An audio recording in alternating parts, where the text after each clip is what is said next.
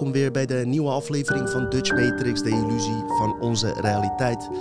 Vandaag een uh, ja, best wel een uh, up-to-date onderwerp uh, waar we het over gaan hebben, vaccinatieprogramma.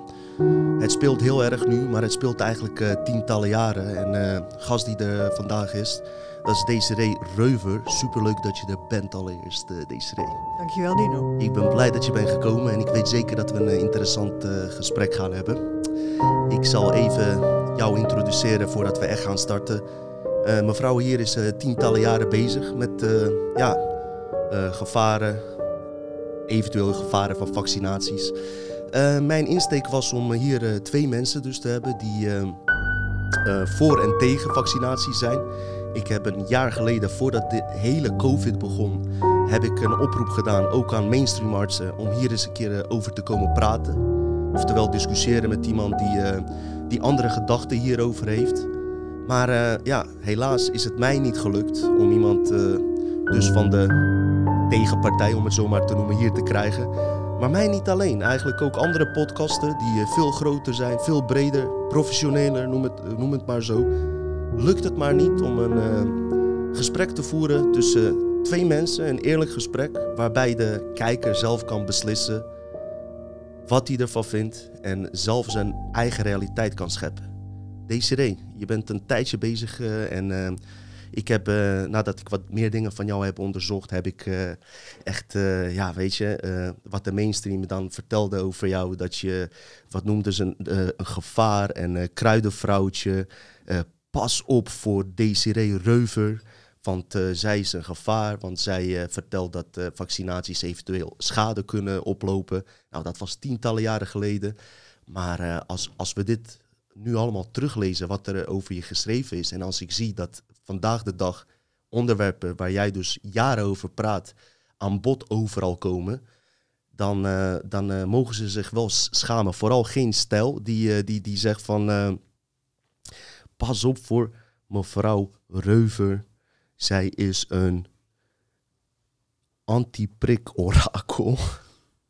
En uh, nee, dit, dit is inderdaad geen stijl om zo over iemand te praten. Dus uh, ja, ik ben blij dat je er bent. En ik, ik vind dat de kijker dus verdient om, uh, om een ander verhaal eens te horen van iemand die het ook serieus heeft onderzocht. En zou je misschien bij deze meteen eens kunnen vertellen waar de oorsprong van de vaccinatie zit en hoe je überhaupt hier geïnteresseerd bent geraakt om dit te onderzoeken? Ja, um, wat ik vertel is de andere helft van de waarheid. Die helft die het RIVM en al die andere instituten die met vaccinaties te maken hebben niet vertellen. En dat betekent dat mensen die alleen die mainstream informatie krijgen, eigenlijk maar de helft van de waarheid horen en dus eigenlijk een hele leugen in mijn beleving. Want je kunt op een helft van de informatie van iets niet een goede beslissing nemen. Dus dat, daar, dat is ad één. Ehm, de historie van vaccinatie, daar ben ik ingedoken toen ik uh, in 2009 mijn boek over de HPV-vaccinaties heb uh, geschreven. Mm -hmm. Daar is nog steeds geen woord aan fout, want alle bange vermoedens die ik daarin heb geuit uh, omtrent de gevolgen van die vaccinaties, die zijn helaas allemaal uitgekomen. En dat kun je dus nu overal op internet ook vinden. En dit gaat uh, in dit geval om uh, kinderen vooral? Dit gaat over meisjes. Uh, de HPV-vaccinatie die zo, zou, zou beschermen tegen humaan papillomavirus. Dat is een virus wat in heel veel soorten alom altijd aanwezig is. En ja, dan komen we dus meteen bij waarom die historie zo belangrijk is. Want wat blijkt... Um, nadat ik dit boek had gepubliceerd, kwam er achter dat het nog weer een andere achtergrond had. Um, in de mainstream werd in 2009 gezegd dat je moet die vaccinaties nemen, want die HPV's veroorzaken kanker in de baarmoederhals.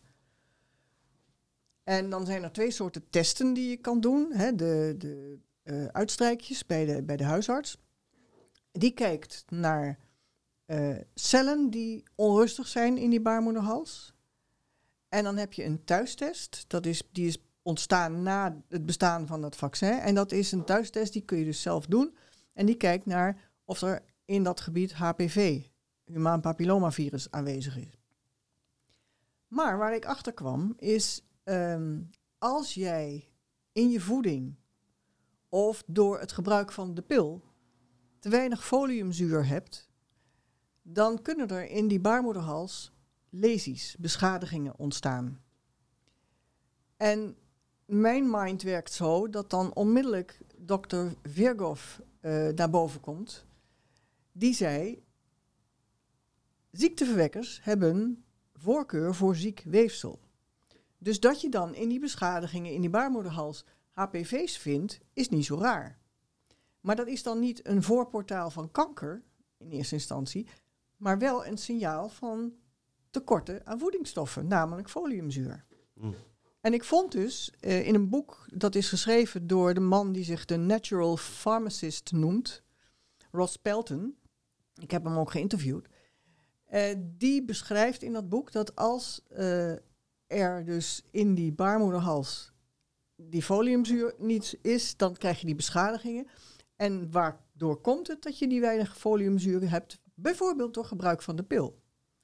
De pil en alle andere medicijnen roven goede voedingsstoffen stoffen uit je systeem, omdat het lichaam die farmacijnen, zoals ik ze noem, die farmaceutische verbindingen, kunstmatige dingen, die herkent het lichaam als gif. En die probeert daar zo snel mogelijk van af te komen. Maar de ontgiftingsmanieren die het lichaam heeft, die vinden plaats via natuurlijke systemen in je lichaam en maken gebruik van voedingsstoffen. Mhm. Dus als jij een farmacijn neemt, het zij de pil of een ander medicament, dan heb je dus een dubbele whammy. Je krijgt vergif binnen en je raakt goede stoffen kwijt. Hm. Nou, dus HPV in die baarmoederhals wil mij zeggen, er is een tekort aan nutriënten en dat kun je dus weer aanvullen. En als je dat doet, dan heelt die baarmoederhals en dan is die HPV weer daar verdwenen en dan is er helemaal geen oprit naar kanker.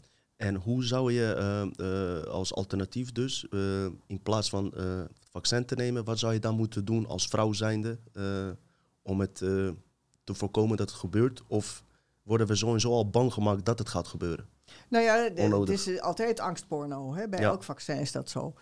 Um, maar bij HPV, en maar ook eigenlijk voor alles. Kijk, als jij een lichaam hebt dat volledig in balans is, hè, dus met voedingsstoffen, nutriënten, vitamine, mineralen, vetten, uh, aminozuren, dan kan jouw lichaam alle dingen uitvoeren die het van nature moet uitvoeren. Dus dan, ben je, dan, dan gaat alles goed.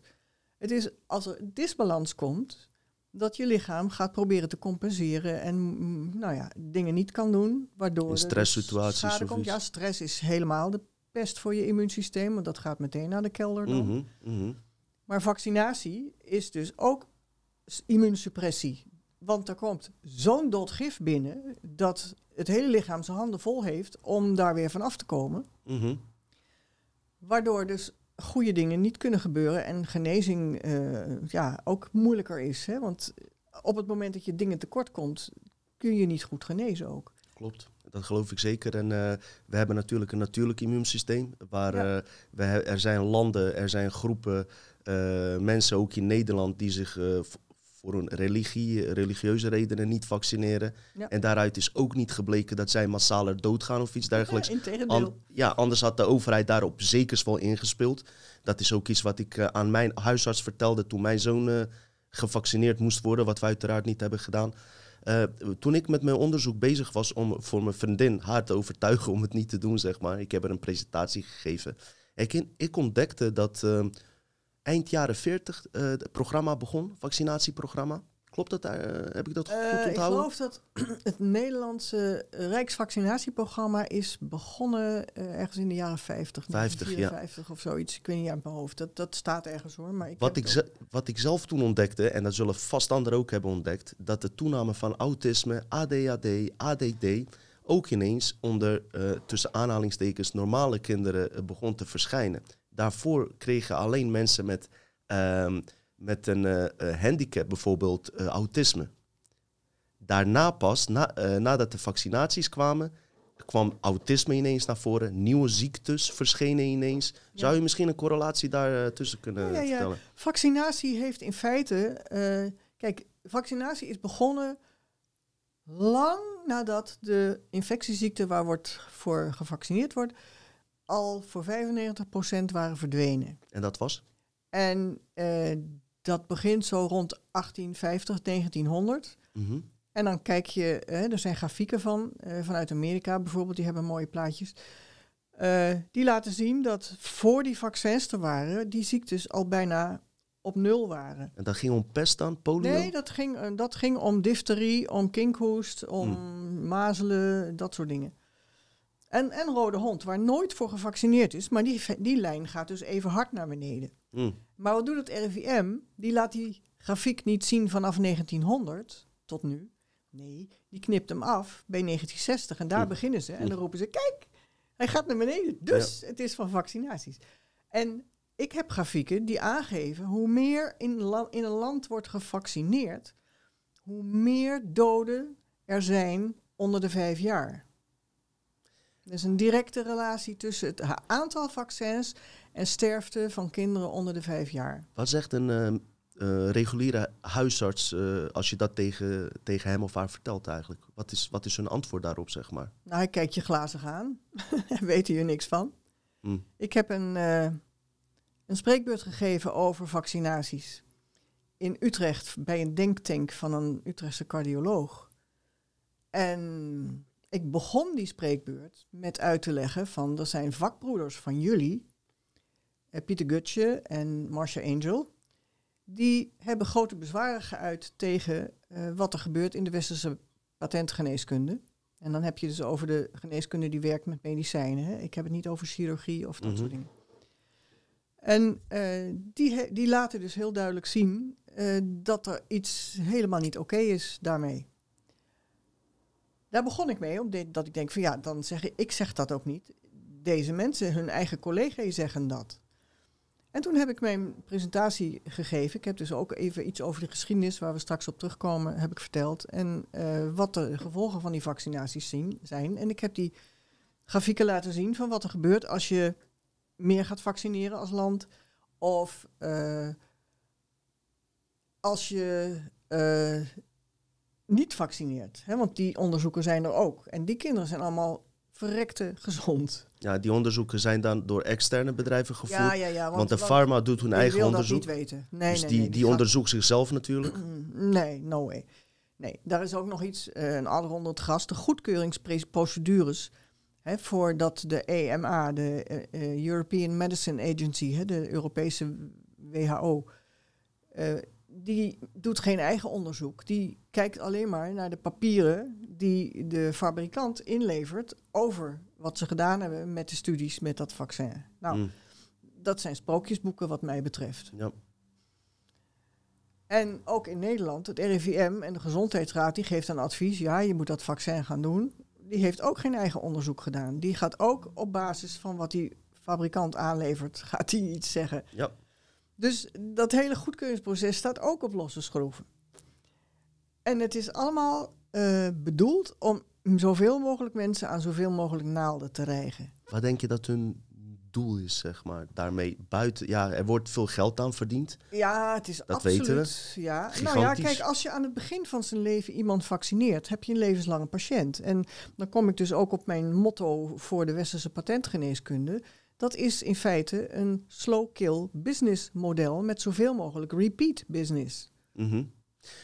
Denk je ook dat, eh, daar kunnen we later zeker op terugkomen, want misschien wil je nog wat over de geschiedenis vertellen. Maar ik kreeg ook het idee dat, eh, dat het ook een soort van programma is, een, eh, ook een psychologisch programma, zeg maar. Heeft het ook invloed op ons gedrag, die vaccinaties? Absolutely. Mhm. Ja, Zullen we daarop terugkomen dan straks? ja, en dat je dan goed. nog wat, want je wilde nog wat over de geschiedenis eh ervan Ja, vertellen? ja, de geschiedenis van, nou, de geschiedenis van de eh, westerse geneeskunde, die berust op leugens. Denk maar aan meneer Louis Pasteur. Hè, die wordt altijd omhoog gehouden, want die had de microbentheorie bedacht. Dat is de basis voor waar wij nu mee bezig zijn. Dat is ook de basis waarom we al die vaccins hebben. Want die microbentheorie die zegt Uh, ziekte wordt door een microbe veroorzaakt van buitenaf. En je moet dus op die microben jagen om gezond te blijven. Dat is helemaal niet waar. Want in dezelfde tijd als Pasteur leefde Pierre-Antoine Béchamp. En dat was een echte wetenschapper. Van wie Pasteur een heleboel dingen heeft gepikt en verkeerd heeft nageaapt. En nou, hij had daar zijn aardsvijand van gemaakt. Uh, Pasteur heeft altijd logboeken bijgehouden in zijn laboratorium. Die hij elke avond altijd mee naar huis nam. Niemand kon daar ooit inkijken. En hij heeft aan het eind van zijn leven zijn familie bezworen van denk eraan, geef die logboeken nooit vrij. En toen heeft een nakomeling van hem dat op een gegeven moment toch gedaan. En toen zijn er mensen uh, geweest die hebben daar toegang toe gekregen om daarin te lezen. En wat blijkt? Hij heeft gelogen. Hij heeft gelogen over die microbetheorie. Hij heeft gelogen over zijn anthrax en zijn rabiesvaccins. Dus alles wat nu de westerse patentgeneeskunde zegt van zo zit het, zo zit het dus helemaal niet. Had hij connecties dan uh, met pharma dat hij Hij had connecties met Rockefellers. Oké, is dat ook goed aangetoond? En, uh... Ja, ja. Uh, er is een boek nu verschenen, The Private Science of Pasteur. Hm? En dat is door een Amerikaanse professor geschreven, die dus door al die logboeken van Pasteur is heen gekropen. En die is dus tot de ontdekking gekomen van ja, nee, de, hij heeft de wereld een loer gedraaid. Hè? Pasteur was heel ijdel. Hij was uit op heel veel geld. En ja, hij was een maatje van die Rockefellers. En uh, de westerse patentgeneeskunde wordt dus ook wel de Rockefeller-geneeskunde hm. genoemd. En dat zal ik ook straks uitleggen hoe dat komt. Um, maar Pasteur heeft dus gewoon gelogen. In de Lancet van 2004 staat een artikel waarin dat ook wordt gezegd. He, van dat die dus vooral die wetenschappers die hun hele ziel en zaligheid aan de Pasteur-gedachtegang hebben opgehangen, dat die dus het meest uh, nog het blijven aanhangen, terwijl het uh, heel duidelijk is aangetoond dat het niet klopt. Ik vind het wel uh, grappig. Eigenlijk is het helemaal niet grappig, maar nee, niet dat, grappig, dat onze dus hele systeem is gebaseerd op dat wat je net vertelde, op ja. die man die je net opnoemde. En daar handelen we naar, miljarden mensen. Rockefeller, connectie met hem komt ter sprake. Als je kijkt naar uh, bijvoorbeeld het echte verhaal, uh, officiële publiekelijke verhaal van Tweede Wereldoorlog, is tevens ook gepatenteerd door Rockefeller. Dus je ziet dat je zowel op medische kant vanaf één kant wordt uh, beïnvloed, maar ook in je historie en wie weet wat nog meer. Maar ik, ik, ik kan gewoon nog steeds met mijn hoofd niet bij dat bijvoorbeeld dat er niet genoeg kritische artsen zijn. Die zijn er wel steeds meer gelukkig. Maar in al die jaren dat er niet een arts met ballen was, vrouw, man, maakt niet uit.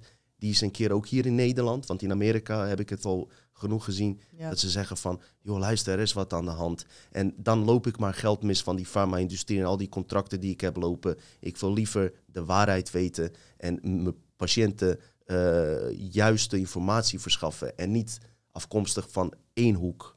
Misschien breder inzetten. Je hoeft niet per se te zeggen, je, je, je hoeft niet te vaccineren of wel, maar geef ze in de, we hebben recht op informatie. Het enige wat we willen is informatie, zodat we zelf kunnen oordelen. Dus er zit een soort van sociale druk ook op de artsen, maar ook een uh, businesskant aan. Ja, natuurlijk. artsen zijn gehouden aan het volgen van protocollen. Ik noem dat dan maar liever protocolders. en um, als ze dat niet doen, dan krijg je het Millekam-effect. En dat is? Sylvia Millekam was een uh, mevrouw die op de televisie was, een actrice. En die kreeg op een gegeven moment borstkanker. En die wilde, omdat ze in haar familie had gezien dat er mensen uh, chemotherapie en bestraling hadden gehad, wilde ze dat allemaal niet. Want ze had gezien wat dat had opgeleverd bij die mensen. Overigens is dat dus ook weer zo'n leugen uh, die in de historie van de westerse patentgeneeskunde zit. Omdat uh, beide manieren, zowel chemotherapie als bestraling, zijn zelf kankerverwekkend. Mm. Dus het is van de idioten dat je dat gaat doen. Heel veel oncologen gaan het dus dan ook voor zichzelf nooit doen. Hè? Dat is ook altijd een oh ja? veegteken. Ja, ja, ja. ja. Dus, uh, het is, het is maar Sylvia Millekam heeft dus geen chemotherapie en geen dingen gedaan. En die is toen bij Jomanda terechtgekomen. Dat is weer de andere uiterste van het, van het spectrum natuurlijk. Guusje Nederhorst ook hetzelfde verhaal een beetje. Ja, maar goed, Guusje Nederhorst heeft dus wel uh, de weg gevolgd van hè, de reguliere weg gevolgd. En die is ook overleden. Daar heeft niemand het over. Mm. Maar dat Sylvia Millekam het niet heeft gehaald, omdat hij dus met artsen die wel wakker waren en op andere manieren die kanker van haar tegemoet traden, heeft, die hebben dat behandeld. En, maar ja, doordat ook die uh, Jomanda daarbij betrokken was, um, is die arts dus ook achteraf aan de paal genageld door hmm. de Vereniging tegen de Kwakzalverij. Hmm. En dat is dan een soort gereformeerde kerk in het kwadraat van de westerse patentgeneeskunde. Ja.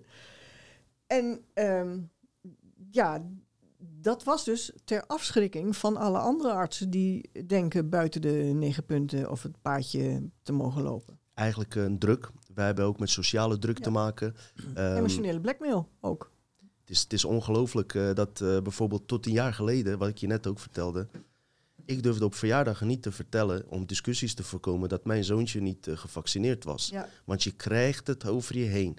Ja. Zelfs van je familieleden, in mijn geval niet, van een vriend van mij, die heeft het tegen zijn schoonfamilie bijvoorbeeld niet gezegd om geen discussies te laten ontstaan. Helemaal groot gelijk. Ik heb altijd een hele goede zin voor mensen om dan te zeggen, als er naar gevraagd wordt. Hè? En je hebt je kind niet gevaccineerd, dan zeg je, de vaccinatiestatus van mijn kind is uitstekend in orde. oh, daar zullen ze wel wat aan hebben. Ja, dat is een mooie woordspeling. Even uh, de koppeling naar geschiedenis van vaccinaties. Ik heb ze ook gehad, voor zover ik weet, in Bosnië, in Joegoslavië toen de tijd. Mhm. Volgens mij heb ik er ook een in Nederland gehad toen ik 11, 12 was. Zou je misschien kunnen vertellen wat het verschil is? Wat wij kregen en wat er nu aan vaccinaties voor kinderen wordt? Nou ja, eh, er komt steeds meer bij. En uh, ik heb een keer in een radio-uitzending gezeten met uh, Ab Osterhaus. En dat ging dan over dat er een arts was die had een vaccin tegen oorontsteking bedacht. Terwijl ik weet dat oorontsteking een van de gevolgen is van vaccinatie. Nou, hier zit er een. Ik heb het eens in de twee jaar. Oké. Ik weet niet of ik ze kan aanklagen. Nee, nou, er zijn maar andere dingen te doen. nee, je moet die lui gewoon links laten liggen. Ja. Het sop is de kool niet waard. Ja. Je moet gewoon het goede verhaal vertellen. En... Links zijn ze zeker. Nee, ja. Nee, je moet gewoon het goede. Je, je moet bij je eigen waarheid blijven. En je moet je niet laten verleiden tot, tot modder gooien of wat dan ook. Maar daar heb ik wel eens moeite mee hoor. Want ik word langzamerhand na 25 jaar een beetje moedeloos dat, dat het nog zo ingeburgerd is bij mensen. Kijk, en weet je, het, het is de, de cognitieve dissonantie. Iedereen, inclusief artsen zelf, zijn helemaal geobsedeerd door de mantra: vaccinaties zijn veilig en effectief. Dat is de grootste leugen die er is, maar iedereen loopt erachteraan. En dat betekent dus ook dat als kinderen zijn gevaccineerd op het consternatiebureau, zo noem ik dat dan ook maar, mhm. in plaats van consultatiebureau, ehm, dan krijgt de huisarts, dus heel iemand anders, krijgt dat kind te zien met de klachten. En ook mede door die mantra zal die huisarts niet kijken naar of dat misschien te maken heeft met die vaccins. Want dat zit gewoon in het evangelie. Daar moet hij aan voldoen. Daar, hè, daar, daar moet hij in blijven. Mhm. Dus in die zin is het heel lastig voor ouders vaak om aangetoond te krijgen dat de schade die zij hebben uit vaccins komt. En er is talloze schade uit vaccins. Het is ook zo dat uh, vaccinschade cumuleert, hè, dus het telt bij elkaar op. Kan zijn, je weet nooit welk vaccin iemand ineens over de rand kan duwen. Hè, zoals gebeurd is in 2009 met Freek Haghoort. Een jongetje van negen, die altijd aan het sporten was, altijd buiten, altijd voetballen, skiën, je neem het. En die kreeg, vlak voordat hij negen werd, kreeg hij zijn DTP en MMR, of BMR in de andere arm. En drie dagen later lag hij dood bij zijn vader in bed. Oh, verschrikkelijk. En ik ben erbij geweest dat de artsen die hem toen in de eerste hulp hebben opgevangen, toen hij eigenlijk al overleden was. Die hebben aan de ouders toen zitten vertellen van wat ze hadden gevonden en wat zijn doodsoorzaak was. Maar het was zijn doodsoorzaak niet, want wat zeiden zij? Ja, er was een plotse overgroei van staphylokokken en streptokokken. En dat is de doodsoorzaak geweest. Daar kwam een cytokinestorm uit voort en daarom is hij overleden. Nooit heb ik die artsen iets horen zeggen van... Goh, wat ligt daarvoor? Wat is er gebeurd dat dat gezonde jongetje ineens werd overvallen door die ziekteverwekkers. Mhm. Daar is iets gebeurd daartussen. Oh, vaccinaties. Twee zelfs. Eén in ieder arm. Eh, wie gedood bij kinderen na een paar jaar? Rechtstreeks gevolg van vaccinatie. En toch noemen, hebben ze een naampje verzonnen, wie gedood. Ja, dat is om het af te leiden. Dan, dan ben je niet alert. Shaken baby syndrome idem. Daar, kan ik straks, daar wil ik straks ook meer over zeggen. Maar we gaan even terug naar de geschiedenis van de Ja, vaccinaties. wat, wat kregen wij vroeger? Hoe, met hoeveel prikken begonnen ze? En hoeveel prikken krijgen kinderen nu? Zou ik graag willen weten eigenlijk. Eh, oh ja, nou, het, het Als je begon... dat ongeveer weet. Ja, misschien. nou, het begon, het begon met polio en kinkhoest en difterie, dat soort dingen. En daar is van alles bij gekomen. Ze hebben daar de, eh, de HIP erbij gedaan, hè, de Human Influenza B. En ze hebben daar pneumokokken bij gedaan. En ze hebben daar, eh, hoe heet die, dingen, hersenvliesontsteking, me- meningokokken bij gedaan. En toen is de bof, hond. Bof Maaslerooie hond is erbij gekomen. Dus ja, in, in, in de loop van de tijd is het enorm opgelopen. En er komt straks nog eentje bij. Hoppakee. De COVID natuurlijk, vaccinatie. Ja, nou ja. Daar komen we en- straks en, nog in Amerika worden alle kinderen ook al met die griepvaccinaties eh, gepest. Nou, en vaccinatieschade telt op. Dus er komt een moment dat er iets gaat gebeuren. En wanneer zie je vaccinatieschade? Nou, dat kan zijn vanaf het moment van de injectie. Mhm. Dat heet dan een anafylactische shock. En dat gebeurt dus bij die COVID heel vaak. Hè. Eh, er is een, een, een verpleegster die eh, een woordje zou doen in een ziekenhuis om te vertellen dat Tiffany eh, Pontes heette ze geloof ik. Om te vertellen hoe goed dat is dat iedereen op die afdeling dat allemaal dat vaccin gaat nemen. En terwijl ze dat staat te vertellen voor de camera, wordt ze niet goed.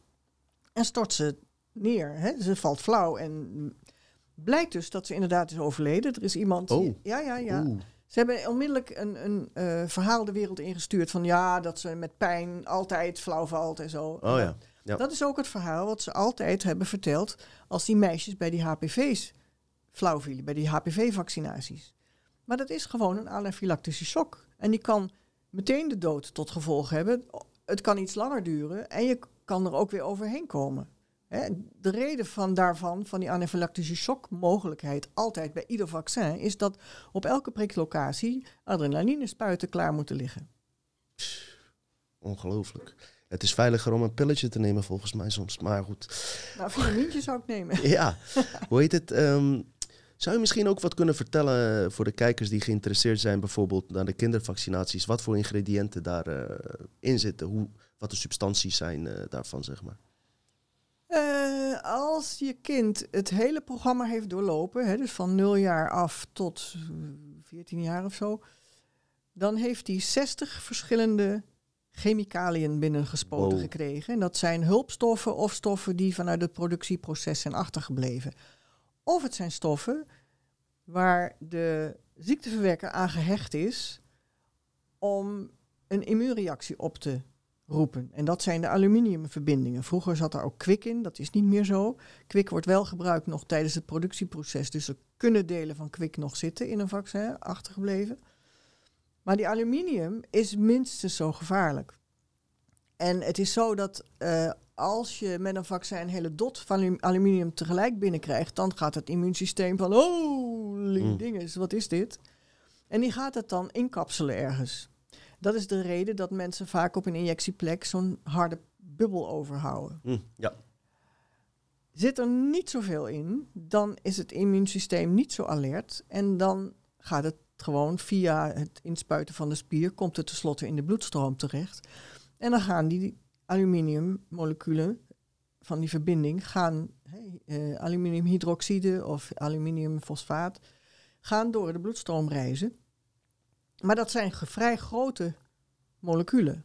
Dus je kunt je voorstellen, als die bij haarvaten terechtkomen, hè, bijvoorbeeld in je nieren of in je hersenen, dan verstoppen ze dat. hm, En dan komt dus wat het gebied achter die verstopping ligt, die krijgt dus geen zuurstof meer, want daar komt geen vers bloed meer in.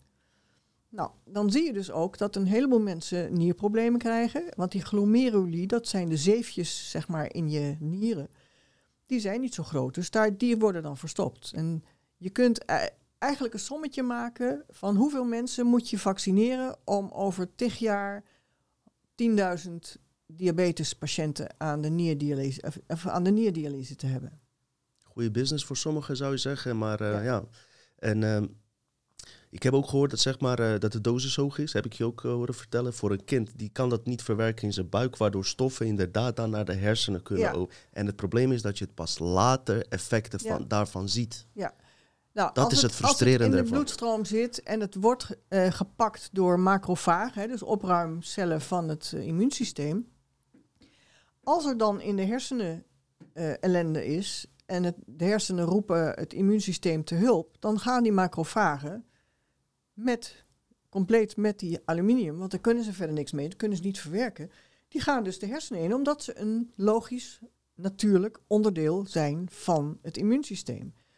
Maar die macrofagen hebben niet het eeuwige leven. Dus als die kapot gaan, die cellen, dan komt het aluminium rechtstreeks vrij in je hersenen. En we weten allemaal dat ADHD, eh, autisme, Alzheimer, Parkinson, allemaal te maken hebben met aluminium in de hersenen. Ja, en ik hoorde ook, en ik ben eh, geen arts, geen deskundige, maar als je een beetje gaat onderzoeken en, eh, en ehm, dingen gaat vinden. Ik hoorde een vrouwelijke arts, dacht ik, ook vertellen van, eh, die dan voor vaccinaties was. Ze zei, ik weet haar naam even niet hoor, maar ze zei van, ja, maar aluminium zit ook in de lucht. Maar, Ja, maar hoe wordt het erin gebracht? Bij lucht wordt het gefilterd door onze huid. En niet, wordt niet direct in de bloedbaan gespoten. Maar ik vind het jammer dat, dat er dan niet een andere persoon is die daar dan een antwoord op kan geven. Maar Ja. je, je- net als de politici, je hoort dat, één, één geluid. ja. En er is niemand die zegt van, ho, ho, ho, wacht eens even. Nee. Je hoort dus alleen, dat, dat, dat, vind ik jammer. Nee, maar da- dat soort kreten wordt dus ook eh, niet met enige intelligentie geuit. Het is een, eh, een eh, propagandaverhaal. Ik weet, ik heb zelf Marina Konijn gesproken. En dat is? Dat is een van de mensen van het RIVM. Mhm. En eh, die zei tegen mij van, ik vind het niet zo erg dat die meisjes die HPV-vaccinaties niet wil hebben, maar die babyvaccins, die zijn belangrijk. Maar dat is dezelfde Marina Konijn die Anneke Bleker van Verontruste Moeders destijds in 2009 ehm toebeet toen Anneke, omdat ik daar had verteld dat dat zo zit, eh, toen zei Anneke van ja, maar er zit heel veel, vaccin, eh, heel veel aluminium in die vaccins van HPV. Waarop dus Marina Konijn haar toebeet en zei van...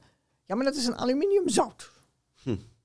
Nou, je had vroeger een reclame. Rang is alleen rang als er rang op staat. Eh, Ja, een aluminiumverbinding is een aluminiumverbinding... en die hoort niet in een lichaam thuis. En wat jij net zei...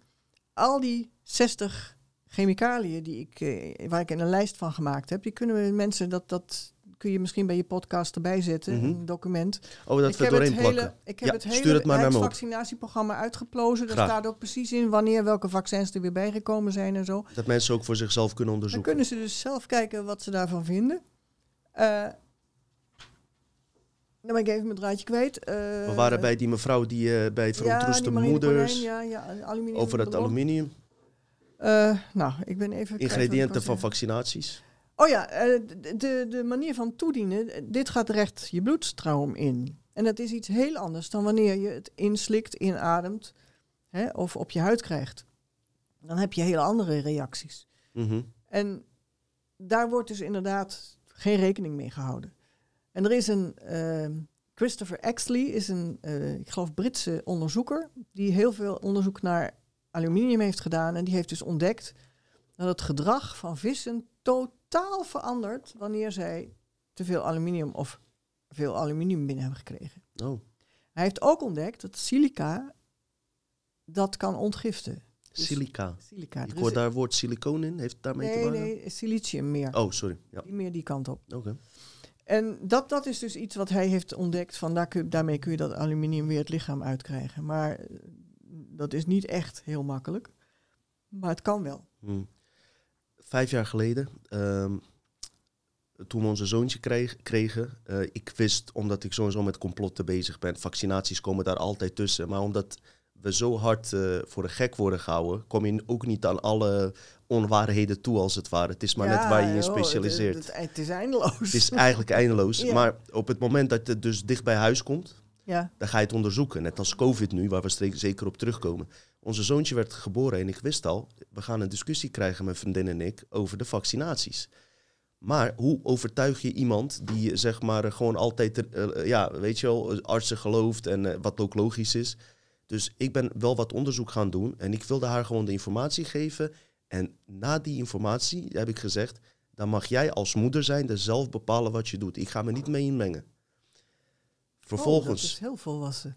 vervolgens eh, nadat ik dat heb gedaan, heeft zij nog eigen research gedaan. Ik had bijvoorbeeld een eh, researchonderzoek uit Amerika waarbij ik dacht 300 kinderen eh, werden onderzocht, 14 jaar lang. Eén- 100 waren gevaccineerd, 100 waren niet gevaccineerd en 100 waren half gevaccineerd. Uit dat onderzoek bleek na 14 jaar dat alle 99,9% van gevallen van autisme en ADHD eh, voortkwamen bij mensen die half gevaccineerd waren of geheel gevaccineerd. Ja. En degenen die geheel gevaccineerd waren, waren daar nog meer, eh had dat nog meer last. Kijk, daar zijn hele duidelijke onderzoeken, professionele, externe onderzoeken door professionele mensen. Ja. Mijn vriendin eh, heeft eh, vervolgens zelf onderzocht. Die, die dacht ook van, wow, we gaan het niet doen. Maar de sociale druk, om daar eens even op terug te komen. Ja, En daarom is het goed dat je straks ook dat we wat die, die documenten doorheen plakken, dat mensen het voor zichzelf kunnen onderzoeken. Mijn vriendin gaat naar de consultatiebureau, als dat zo heet. ja. En ik weet niet of ze dat expres daar deden of wat dan ook. Mijn vriendin zegt van wel. Die vrouw aan de balie zei... eh, nee, zij laat het niet vaccineren. Maar iedereen hoorde het. Ze, ze laat de kind ja, niet vaccineren. expres, Ja. Dus mijn vriendin dacht zo van... Oh, eh, is er nergens een pri- privacy meer? Moet dat zo hard worden opgeroepen? Maar die denkt ook, ja, boeien. Gaat ze zitten? Maar daar zat een andere vrouw met een kind. En die nam Die werkelijk waar op. afstand. Nam ze omdat ze bang was dat haar kind besmet zou worden. Maar als ze enig onderzoek had gedaan, had ze kunnen weten dat beide kinderen even besmettelijk, al dan niet onbesmettelijk zijn. Nee, en is, dat nee, is die het sociale zelfs druk. zo dat dat gevaccineerde kind kan kiem strooien. Oftewel shedding heet dat dan in het Engels. Kiem strooien wil zeggen je bent gevaccineerd met een ziekteverwekker en die kun jij dan dus om je heen uitstrooien. Dus eigenlijk is die gevaccineerde baby gevaarlijker voor jouw gezonde kind dan andersom. Inderdaad, dat is En dat Bizar. is, ja, het is te bizar voor woorden, want ieder, iedereen heeft alles omgedraaid. Je moet maar eens opletten. het is ongelooflijk. omgedraaid. En trouwens, jij bent niet geïnteresseerd in conspiracies, in samenzweringstheorieën. Je bent geïnteresseerd in de realiteit. Zeker. Dat is het. Wij hebben ook als slogan de illusie van onze realiteit. eh, Ja. Is de slogan van eh, de podcast. En dit is ook een illusie die van zo dichtbij komt eh, dat, dat alles ook inderdaad omgedraaid is. Maar vooral dat sociale druk dus. Ja, die dat is, is heel echt. groot. Die is heel groot. Je wordt gedwongen, zeg maar, om. er, ontstaat iets waardoor, zeg maar, hoe zeker je ook iets weet. En je bent in je eentje tegenover vier andere mensen die er anders over nadenken. Als je niet sterk in je schoenen gaat, staat, wordt je mond gewoon gesnoerd. Als je niet weet wat je te vertellen ja, hebt, hoe je het moet vertellen. Er is ook een interessant onderzoek geweest van een professor Milgram of zoiets heette die, ik weet niet precies.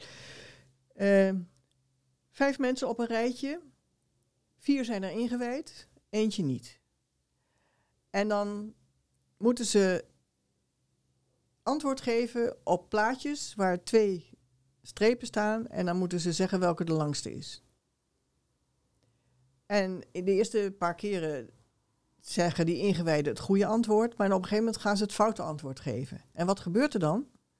Om bij de groep te blijven horen, gaat die niet Mm. ingewijde gaat mee Ja. huilen met de honden in het bos, namelijk met die kerels die expres het verkeerde antwoord geven. Ja, En ik weet van mezelf, ik doe dat dus niet. Want nou, ik, werkte we ooit, ik wer- werkte ooit op een reclamebureau waar iedereen op een gegeven moment bij een van de directeuren moest komen en dan kreeg hij 25 gulden nog om koekjes te gaan kopen in een proefopstelling in een winkel om de hoek. En dat was dus hun eh, reclameklant, hè, dat, die koekjesfabrikant. En iedereen nam dat aan en ging dat braaf doen. En ik kwam bij die directeur. Ik zei, ja, wat wil je nou? Wie ben je nou aan het belazeren? Jezelf, mij, de klant, de winkel? Wie? Hm, ja. Ik zeg, ik neem die 25 gulden wel aan hoor, maar ik ga er iets leuks van kopen. Maar dan toon je eigenlijk eigen autoriteit. Wat mensen Ja. missen is gewoon eigen autoriteit. We hebben het vaker in de podcast over gehad. Ehm, we besteden alles uit. Eh, je, je denkt dat je kind veilig is op crash. Dat Oh. het allemaal goed komt. Vergeet Je het. denkt dat, dat, dat de arts alles goed weet. Eh, alles, eh, voeding. Je denkt dat de, de, de voeding in onze schappen, dat dat allemaal gecheckt is en, en, en alles. En hoe meer je het onderzoekt, des te meer je veron- verontwaardigd raakt. En gewoon, ge- je hebt niet eens tijd om alles te onderzoeken wat je zegt. Het is een eindeloos ding. En met dat vaccinaties hoorde ik je heel goed roepen van... eh, het is, eh, lijkt soms net Russisch roulette. eh. Ja. Het is absoluut, nou ja, het is Russisch roulette, omdat je dus nooit weet welk vaccin de emmer is, of de druppel is die de emmer doet overlopen. Hè? Zoals bij Freke Haghoort, dat die van de ene dag bijna op de andere, hè? dus drie dagen na die vaccinaties, dood naast de vader in bed ligt. Bizar. Misschien En wordt dat, dat... is, dat, ja. is, dat is dus een, een, een geval van eh wie gedood, shaken baby syndrome-achtig iets. Want eh, de link tussen de vaccins wordt nooit gelegd. Ik heb er ook bij gezeten dat eh, de mevrouw van het RIVM, die dan toen de negatieve effecten van vaccins moest bekijken als die werden gemeld. En die wou er dus ook niet aan dat het het vaccin was die dat had gedaan. gedaan. En de moeder van Freek, Tan, die wil niets liever dan dat er gewoon bij een kopje koffie bij haar thuis, helemaal geen pers of wat dan ook erbij, Mhm. maar dat zij gewoon te horen krijgt van iemand van het RIVM of de Gezondheidsraad of whatever. Ja, je hebt wel gelijk. Het was het vaccin. Kan niet anders. Ehm, er zijn in ehm, Amerika is een bekende free fighter, hele bekende free fighter, eh, heeft zijn zoontje laten vaccineren en is ook direct daarna. er- er- hij kreeg een, eh, ik zou je niet zeker du- durven zeggen wat het was, maar dat zoontje was gewoon suf op een gegeven moment. Ja, Hij reageerde niet direct meer ja. en hij liet video's zien. Kijk, als die het, kijk hoe hij met zijn hondje speelde, kwartier voordat hij vaccinaties Ja, had gedaan. Levende, maar dat kindje is niet hersteld. Nee. Maar die man die gebruikt, dat is wel goed dat hij dat doet, omdat hij zoveel volgers heeft en alles, is hij nu gewoon ook vol bezig met onderzoek Ja. en mensen van op de hoogte te stellen. En als je ziet hoeveel wereldwijd dit gebeurt, in elk land, ik heb in Joegoslavië ook gekeken, voormalig Joegoslavië, of daar mensen zijn. Ja hoor, er zijn groepen, mijn vriendin is er lid van, van ouders met, eh, Ja. met kinderen, met, met, met, Met schade. schade. Ja. En dat er dan daar niet gewoon een normaal gesprek over kan worden gevoerd op onze tv, maakt mensen alleen achterdochtiger. En ik denk zelfs door deze situatie van COVID-vaccin, waar we nou uiteraard zo heen gaan, is dat er niet alleen een grote groep mensen het vaccin niet gaan nemen. Eh, ze kunnen wel zeggen dat ze onderzoek hebben gedaan en dat acht op tien mensen het gaan doen. Ja, ik weet die godsnaam eh, waar je het hebt gevraagd in Amsterdam ergens eh, aan de grachtengordels, maar niet hier bij mij in de buurt. Dat ten eerste is van, ja weet je, sterker nog, ik denk dat er steeds meer mensen ook hun kind dan niet gaan vaccineren. Nu Ja, ze, klopt. Ja. door de COVID-situatie. Ja. Nou ja, de, de wake-up call, doordat nu die maatregelen zo idioot worden gedaan en we gedwongen worden tot van alles en nog wat. Eh, die mondkapjes kunnen we het ook nog over hebben, dat is ook één brok ellende. Vooral voor de drager. Mijlkorf. Ja, precies. Backlap noem ik het ook wel. maar die druk die de mensen nu ervaren van dat ze hun vrijheid kwijt zijn en dat ze van alles moeten en, en nou ja, dat maakt dat veel meer mensen wakker worden. En de andere kant, hè, die dat allemaal regelt, die schrikt daarvan en die denkt, oh oh. Dus die proberen het nog harder de druk op te voeren, maar dat heeft alleen maar een averechts effect, denk ik. Want Zeker. Wat ik zie is dat steeds meer mensen wakker worden. En echt niet mensen dat als ik ze op straat tegenkom, dat ik denk van nou jij weet het wel, maar dan blijkt dat dus wel zo te zijn, weet je. Dus het gaat, dat gaat door alle rangen en standen heen. En degene die de, de moeilijkste noten om te kraken zijn mensen die bang zijn, want dan kun je namelijk niet meer nadenken. Mhm. En de mensen die academisch zijn gevormd. Geprogrammeerd. Eh, Ja. ik, zeg, Ja, ik noem ze academisch gekneusd. ik, ik zeg soms wel eens, je kan beter maar niet eh, te veel boeken hebben gelezen. Want er is zoveel manipulatie eh, in, in de lesboeken van scholen Ja, en ja daar, ik dergelijke. wou zeggen, het ligt En aan dat welke is die, boeken. ja, ja. Het, het zijn die programmeringen.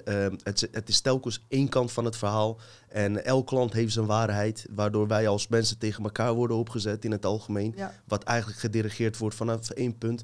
Eh, een, een mooi, eh, iets wat ik wel mooi vind. Er is hier een benzinepomp in de buurt. En daar hoef je dus geen eh, mondkapje op. Daar doen Ja, ze ja. niet moeilijk over. Ze hebben ook daar de andere krant kan je daar halen. Oh, oké. Ja, En, wakker dus. Ja, wat er nu dus gebeurt, al die wakkere mensen gaan alleen maar naar die benzinepomp. Ja, ja, tuurlijk. Het is daar propvol. Dus Oh, ja, dat is tuurlijk. goed. Want Ja, maar dat het druk is en niet, niet juist stiller, dat is goed. het is juist drukker, Ja. omdat heel veel mensen gewoon geen zin hebben om dat kapje op te doen. Nee, Ik rij nu zelfs liever om ja. om daarheen Daar te gaan, omdat ik daar ook gewoon gerust binnenkom en niet over daarover. Je mag hem ook opdoen. Het is niet verboden om hem op te doen. Alleen nee, je kreeg zelf de keus. eend in de bijt. Ja. Je, je, je hebt zelf de keuze om dat te doen. En eh, dat is zo fijn als dit is uitgebreid kon worden. We besteden alles uit. De overheid en de grote instanties moeten overal tussen zitten. Als wij een deal willen maken, moet altijd overal overheid tussen zitten. Ja. En Peter Tonen was hier. Ik dacht dat het ook in samenwerking was met organisaties waar jij zit. Ook Café Wersmens, mensen Ja, die ja, daarachter Wersmens, zitten. Dat ze gewoon bezig zijn ook naar elkaar toe te komen. Dat we dan gewoon met boeren die, die hier ook mee eens zijn, dan maar onze groenten daar halen. Ja. Dat, Ja. Als we dat eens gingen doen, ja, misschien klinkt dit wel heel el- erg naïef voor, maar je moet ergens beginnen. Dat vond ik onwijs een goeie, weet je wel. En je merkt het, ook voor de business dus, voor die man op de benzinepomp, die draait onwijs goed daardoor. Ja. Maar hij gelooft er ook echt in. Hij deed het niet daarvoor, nee, weet je kan niet, het, kan, het werkt niet met fake. Dat Nee, gaat, nee. dan, val je onmiddellijk door de mand. Nee, dat gaat niet goed. Maar we zijn nog niet eh, met die geschiedenis eh, op pad gegaan. Hè? Ga je gang, Desiree. Want dat, dat, dat is wel. Bij wel ons belangrijk. bestaat geen tijd. We kunnen alle kanten op. door. Ga maar hoor. Eh, nou, ik had het over Pasteur dat hij de boel bij elkaar gelogen had. Hè? En Mhm. dat, dat dat dus de, de grondvest is waarop westerse patentgeneeskunde is gevestigd. Ehm, vaccinatie is eerder ontstaan. Eh, dat is ontstaan, zeg maar. Nou, ze deden het al veel eerder, want de Chinezen hadden het al heel lang. Oh ja? En, ja, maar die deden dus hele andere dingen. Die hadden pokkenpus. Hè, dus van, van, een, van een pokkenzweer hadden ze gedroogd. En dan bliezen ze dat met een riet bij iemand in de neus. Mm. Nou, dan ga je dus. Je bootst dan goed de natuur na, hoewel eh, pokken ehm, wordt niet eh, van mens tot mens verspreid. Pokken wordt verspreid door de bedwans. En dat is ontdekt door een arts in 1900, meneer Campbell. En die zag ook dat pokkenepidemieën ontstonden vooral na een slechte oogst. Als de opeengepakte wonende mensen eh, weinig vitamine C in hun lijf hadden, dan sloeg pokken toe. Immuunsysteem was slechter. Voordat er dus werd gevaccineerd. Nou, en dat vaccineren, van, daar, is Edward Jenner mee begonnen, maar dan met de koepokvaccinaties. Want er is dus een onderscheid. Hè?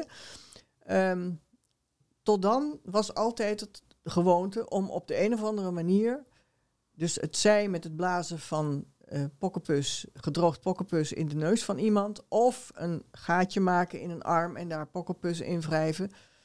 Ehm, dat was dan de manier van varioleren, heette dat dan. Of inoculeren, moet ik dan zeggen. Want inoculeren is een gaatje maken en Mhm. variole- varioleren is met een sneetje. Oh. En dan wreef je daar wat pokkenpus in. En nou, dat was dan de manier van eh, Dun, Ja, duidelijk. vaccineren, zoals wij dat dan nu noemen. Maar dat is volledig afhankelijk, het effect daarvan is volledig afhankelijk van het immuunsysteem van de ontvanger. Want heeft hij een laag immuunsysteem, dan kreeg hij dus wel pokken, maar dan kon dat dus ook zo ernstig zijn dat hij er alsnog de pijp door uitging. Dus het is altijd individueel. En ik zeg dus voor de huidige vaccins ook van luister, het is altijd afhankelijk van één, jouw nutritionele status. Hè, dus heb je vitamine en mineralen en de hereutemeteut allemaal goed aan boord of niet. En je vermogen om, te- ontgiften. Hoe staat het daarmee? Want een heleboel mensen kunnen die me- metalen niet kwijt. Dat was dus vroeger niet anders. Dus als je iemand had met een zwak immuunsysteem en je ging die varioleren met pokkenpus, dan had je kans dat hij het heel ernstig kreeg en het ook niet haalde verder. Jenner is in 1792 begonnen om met iets heel anders dat varioleren te doen. Namelijk met de pus van koepokken. En koepokken zijn syfilisachtige chankers, zweren, op de uiers van melkkoeien. Mm. Terwijl pokken is een ziekte bij mensen, vooral mannen, vrouwen, kinderen, die over het hele lijf gaat en in alle rangen en standen. Ja. Dus dat heb je over dan over twee totaal verschillende entiteiten. Hè, pokken en koepokken zijn twee verschillende dingen. Mhm. Doordat Jenner niet zijn eigen idee, overigens dat had Pasteur ook niet van zichzelf hoor, die heeft ook die ideeën allemaal gejat, maar goed. Ehm, Jenner, Edward Jenner, die heeft eh, heel veel experimenten gedaan met pokkenpus van van alles nog wat. Varkens, vogels, kan niet schelen. En ook met pus uit ontstoken paardenhielen. Daaruit is op een gegeven moment ontstaan dat mensen hun eigen koepokpus gingen maken. Bijvoorbeeld door een kalf op een tafel vast te binden en die tafel horizontaal te leggen en dan die buik kaal te scheren en dan een heleboel krassen erin te maken. En dan koepokpus daarin te wrijven, zodat hij dus een heleboel koepokpus dingen zou maken. En ze dat konden oogsten en daar dan een variolatie van vloeistof van konden maken. Met Maar- als doel? Met als doel om massaal mensen met koepokken te varioleren, zodat ze zogenaamd beschermd waren tegen menselijke pokken. Die andere ziekteentiteit. Uiteraard zagen zij daar ook weer hun eh, belang bij. En Ja, nou, Jenner die heeft dus eh, een jongetje eh koepokken gevarioleerd eerst. En daar werd hij ziek van. En toen een week later heeft hij ehm, gevarioleerd met pokken. En toen werd hij daar niet ziek van. En toen had Jenner van, ah, kijk, zie je wel, ik heb gelijk. Hm. Dus de steekproef was één. nou, zo ging dat. Hij heeft overigens zijn eigen zoon en de zoon van zijn vriend eindeloos gevarioleerd. Wel twintig keer of zo, weet ik veel. En ehm, in de biografie van Jenner staat ook dat die zoon van hem niet wel in zijn hoofd was. Dus die was waarschijnlijk ook autistisch geworden. Hmm. Ehm, omdat je te maken hebt met vreemde eiwitten die in het lichaam van alles gaan doen. En dan gaat het lichaam weer antilichamen tegen maken en zo. Van je, Dierlijke eiwitten horen ook niet in menselijk lichaam. Nee, nee. En, en Jenner was dus ook de eerste die op deze manier ehm, genetische informatie van een andere species, namelijk een koe, binnengebracht heeft in het genetische informatie, DNA en zo, van de mens. Hm. En als jij genetische informatie van twee species gaat vermengen, dan creëer je een chimera, heet dat. En Die zien we nu rondlopen hier op straat. chimera, ja. Nou ja, iedereen, iedereen is dus in feite, die gevaccineerd is, is in, in feite een, een chimera geworden. En je hebt dat als mythisch dier, zie je dan vaak een leeuw met geitenpoten en een slangenstaart Oh ja. en zo. Dat, hè? Dus Ja. dat zijn het mengen van, van verschillende species. Mhm. Ehm, op basis van wat Jenner steeds weer heeft zitten zeuren bij de overheid in eh, Engeland, is op een gegeven moment eh, die praktijk van zijn variolatie met koepokken is geaccepteerd en dat gingen ze toen op grote schaal toepassen. Maar wat gebeurde er dan? Er zijn cijfers in Engeland bekend. In 1853 hebben ze die koepokvaccinaties verplicht gesteld en dan zie je dus in de jaren 70 daarna wel drie grote pokkenepidemieën komen. Waarom? Ah. Omdat koepokken, variolatie, is zo'n hoop rotzooi wat het lijf binnenkomt, dat het immuunsysteem draam uitgaat. Het is een omgedraaid verhaal weer, hè? Ja, ja, Daardoor zi- is dus de epidemie ontstaan. Juist Ja. daardoor. Ja, juist, juist daardoor. Ongelooflijk, Ja. ongelooflijk. Ehm Desiree, Vandaar dat ik zeg dat het een repeat business is. ja, en dat blijft doorgaan. en want dat blijft doorgaan. Ja. Misschien mooie overschakeling naar de hedendaagse situatie. Covid, vaccin. Het is nu... eh, Ja, het is geen Heel- vaccin, pas op. ja, oké. Aha. Ja, nee, Ik trap erin, hè? heel essentieel. Oké. Heel, heel, heel essentieel. Nou, le- leg dat dan maar meteen uit waarom het geen vaccin is. Ehm Dr. David Martin. Ik zet even mijn brilletje erbij op. Prima hoor. goed Mensen, ik eh, wil even tussendoor me even doorgeven eh, dat het superleuk is dat jullie kijken. Superleuk dat Desiree er is. En eh, we hopen echt eh, jullie dus eh, eerlijke informatie te kunnen geven. Waardoor jullie zelf uiteindelijk kunnen beslissen wat jullie willen doen. We willen, ik vooral niet, maar Desiree ook niet, niemand op een dwaalspoor zetten of eh, eh, gewoon informatie dus geven. En uiteraard moet, moet je altijd je eigen beslissingen ne- nemen en je eigen onderzoek doen. Ik vind het onwijs interessante informatie wat eh Desiree hier verschaft. Dus eh Desiree, aan jou het woord. Een COVID-vaccin is geen vaccin. En dat betekent, dat heeft een heleboel repercussies ook qua wetgeving. Want vaccins vallen onder een bepaalde regeling in de, in de gezondheidswetgeving. Maar een medisch apparaat is weer een hele andere categorie. En als wij zien dat dit dus gewoon een medisch apparaat is op moleculaire schaal, dus zo klein dat je het niet kan zien. Het is namelijk een mRNA, een messenger, boodschapper, RNA, dus één streng genetische informatie, verpakt in een envelop van vetten. En die is zo klein dat die in een cel kan worden bezorgd. Mhm.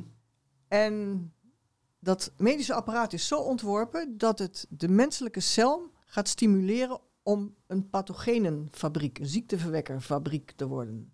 Ziekteverwekker. Verwekkerfabriek. Het, het gaat over een eiwit wat eh, lijkt op het eiwit, of is het eiwit van de spike, de puntjes op een virus. Oké. Is het kunstmatig? Dat is helemaal gesynthetiseerd, ja. Ja.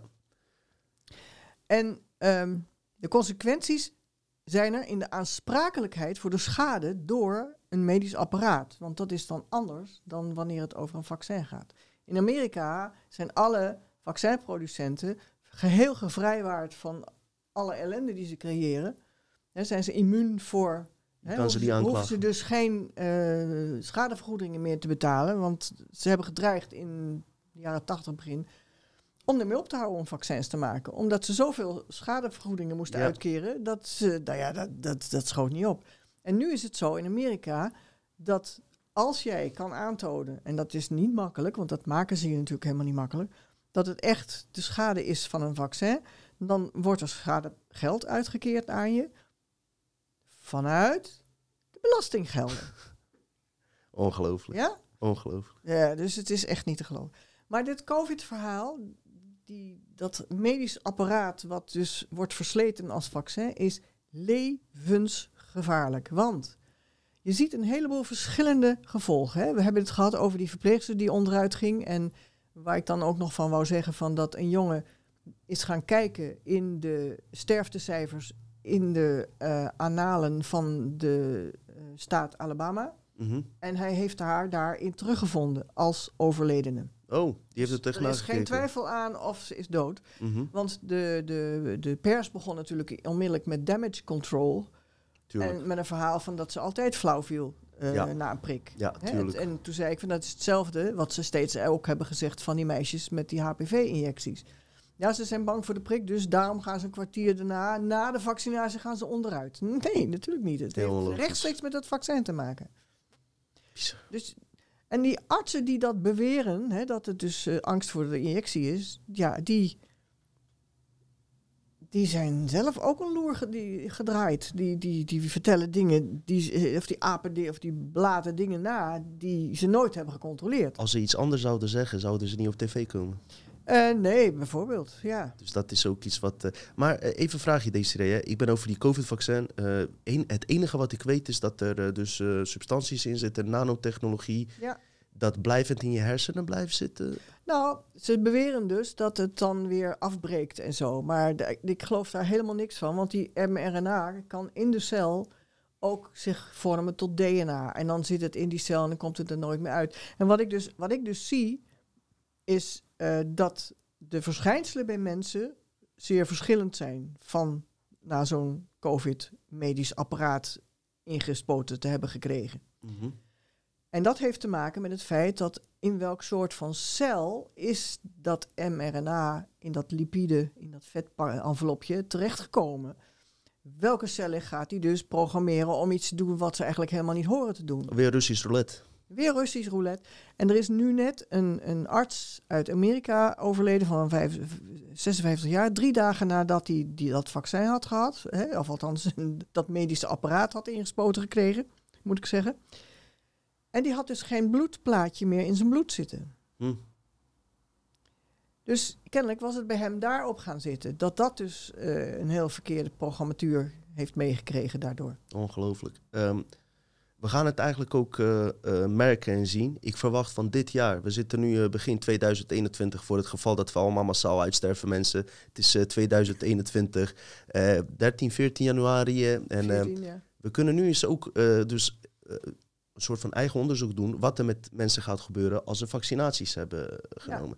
Ik denk zelf niet dat er massale sterfte zullen zijn of iets dergelijks. Waar ik bang meteen. voor ben is lange termijn Ja. effecten die wij weer niet kunnen bewijzen. Ja, nou, en dan is het interessant om te weten dat eh, bij de meldingen die in Nederland plaatsvinden van eh, vaccinatieschade, dat voor het causale verband, dus is het vaccin de oorzaak van de ellende, eh, is een periode van hooguit twee dagen meestal. En vaak heb je dat pas later de ellende naar boven komt. En wat interessant is, ehm, er is een onderzoekster geweest, een, een PhD, hè, dus een echte dokter Mhm. in Australië, Dr. Viera Scheibner. Die heeft een onderzoek gedaan naar de ademhalingspatronen van baby's met een gecomputeriseerde ademhalingsmonitor. En die ademhalingsmonitor die ging jammeren wanneer er langer dan 20 seconden minder dan 5% van het normale ademhalingsvolume was gemeten. Mm. Dus dan was het kind nog niet gestikt. En zijn hart klopte ook nog. En je kon dus nog ingrijpen. Doordat ze die computer eraan gehangen heeft, had ze uitslagen van per uur van die alarms die er dan kwamen. Dat heeft ze op een gegeven moment vertaald van per uur naar per dag. En toen kwam er een patroon tevoorschijn wat zij herkende als het Non-Specific Stress Syndrome van Hans Scheie. Hans Scheie is een Hongaarse arts die in Amerika heeft gewerkt, heeft zijn hele leven zich met stress bezig gehouden. En hij ontdekte dat als je aan een zoogdier, wat een mens ook is, hè, eh, een giftige stof toedient, of hij ademt hem in of hij slikt hem in, doet er niet toe, dan gaat het lichaam in een typerende reactiepatroon. En dat heeft drie fasen. De eerste fase is alarm, de tweede fase is weerstand en de derde fase is uitputting. En doordat Dr. Viera Scheibner haar computer had gehangen aan die eh, ademhalingsmonitor, kon zij precies zien welke dagen in die fases de meest kritieke momenten waren. Ja, dat waren precies... eh, En toen heeft ze die gegevens gelegd over de gegevens van wiegedoodbaby's Ja. die gevaccineerd waren. En toen bleek hun doodsmoment samen te vallen met die kritieke dagen. wat de computer aangaf, zeg maar. Wat de computer van haar ademhalingsmonitor had aangegeven. En vervolgens kon ze constateren dat hoe ouder de baby was, als die dan stierf, duurde het langer tot die stierf. Na de vaccinatie. En dag 16 in dat verhaal was een soort omslagpunt. Dus als een baby beter werd, ging het vanaf, vanaf dat moment beter. En als het met die baby verkeerd afliep, dan ging het vanaf die dag mis.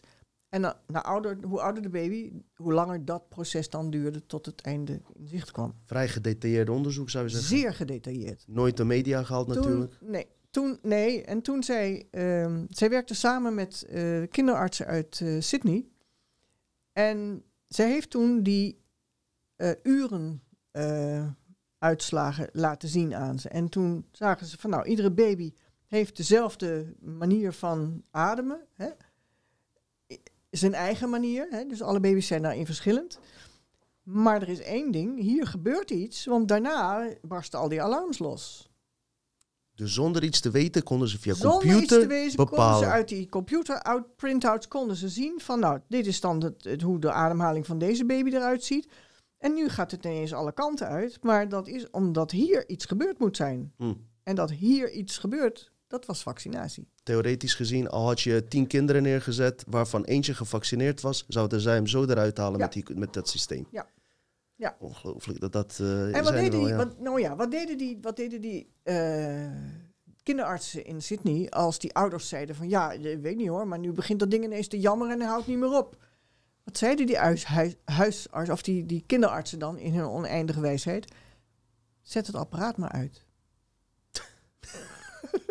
dat bedenk je niet. Het is, het is, het is, ehm, ja, het is eh, ongelooflijk. Het is eh, Nou, en interessant. eh, toen ze ja. er dus achter kwamen dat vaccinatie de oorzaak was van al die onrust, toen was het meteen helemaal klaar met de hele onderzoek. onderzoek. En toen is dokter Vera Scheibner dus, hè, die zit net zo in elkaar als ik, die heeft dan zo van, wat? Die Oh, maar dan ga ik het uitzoeken. Dus die is vanaf dat moment de medische litera- literatuur ingedoken en heeft nu, ik denk, 500.000 pagina's achter de kiezen. Wow, Dus kun je zeggen dat ze er iets van weet? Nou, dat ik denk dat ze de wereldautoriteit is. Ja, Ja. zo. Er zit eh, dus eigenlijk genoeg informatie eh, voor mensen om zich in te verdiepen. Absoluut, absoluut. Je vertelde ook over een eh, arts die aan de ogen van kinderen kon zien wanneer die... eh, Ja. Kan je daar eens wat... Ja, was ja. die ook vermoord? Was dat die Ja, arts? ja, ja, die is Zou je vermoord. daar eens ja. wat over ja, kunnen die is vertellen? vermoord. Dat is Andrew Molden. Oké. Ehm, dat was een arts die heeft zich helemaal een slag in de ronde gestudeerd om erachter te komen wat hij nou precies zag. Want wat hij zag was dat bij gevaccineerde kinderen hij in hun gezicht en in hun ogen asymmetrieën zag. Dus of het oogwit was niet symmetrisch, daar niet of zo niet. Mhm. Of ze hadden een afhangende mondhoek. En dat kan, gebeurt bij deze COVID, eh, niet vaccins, maar medische Ja. apparaten, gebeurt dat ook. Bell's palsy heet dat. En dan is het heel heftig. Want dan is het Oh echt dan gezegd, "Mm", aan Oh. de ene kant goed en aan de andere kant helemaal de mist in.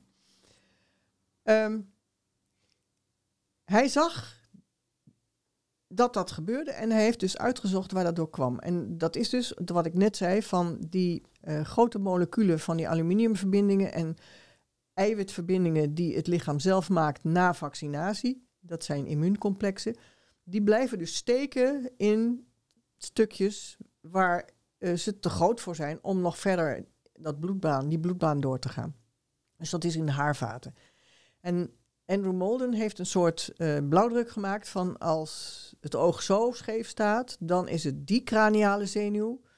En als die mondhoek daar hangt, dan is het die craniale zenuw. Hij heeft dat helemaal in kaart gebracht. En op het moment dat hij dus meer nog informatie naar buiten wilde brengen, omdat hij weer een heleboel nieuwe dingen had ontdekt, toen is hij vermoord. En dat is een, zeker in Amerika heel gebruikelijk. Hè? Eh, er zijn wel 80 artsen vermoord in de loop van de tijd. En ik kende Wow. er daar een aantal van. Ja? Ehm, En genoeg bewijsmateriaal? Ja, ja, ja, die zich bezighielden met het behandelen van kanker met niet-reguliere middelen. Mm. Onder andere met JCMAF. Dat is een eh macrofage eh, ding. En eh, daar kun je dus de boel mee oplossen. Maar in vaccins zit een stof, nagalase, die onze eigen JCMAF torpedeert, blokkeert. Wow. Dus dat is ook nog weer een manier waarop vaccins kanker geven. Ah. En ik heb een zoon, die is in 83 overleden, drie weken voor zijn vierde verjaardag. En op 2 december 1981 werd hij ziek. Hij wilde niet meer eten, zei hij. En hij kon op een gegeven moment niet meer lopen. En dat bleek een tumor te zijn die onder in zijn rug groeide, maar die ook van daaruit zijn buikholte ingroeide. Want dat ontdekten we bij de eerste operatie. En dat was een kankertumor. Die, nou ja, voor hoeveel procent uit vaccins komt, I don't know. Maar je niet achteraf. ehm, die hebben de, vaccins hebben daar duidelijk een rol in meegespeeld. Dat kan niet anders. Is dat ook de reden geweest? Was je toen al bezig met die... eh, Nee, toen was ik helemaal niet, want ik heb mijn kinderen allemaal gevaccineerd, wist ik veel. ja. En ik zie de schade bij ze, bij allemaal. Ja. Alleen bij Philippe is dat dus uitgemond in 17 maanden ziekbed, ellende, eh 100.000 infusen en Hmm. god maar weten wat. En de chemotherapie, hè, de chemotherapie, die heeft hem vermoord. Ja.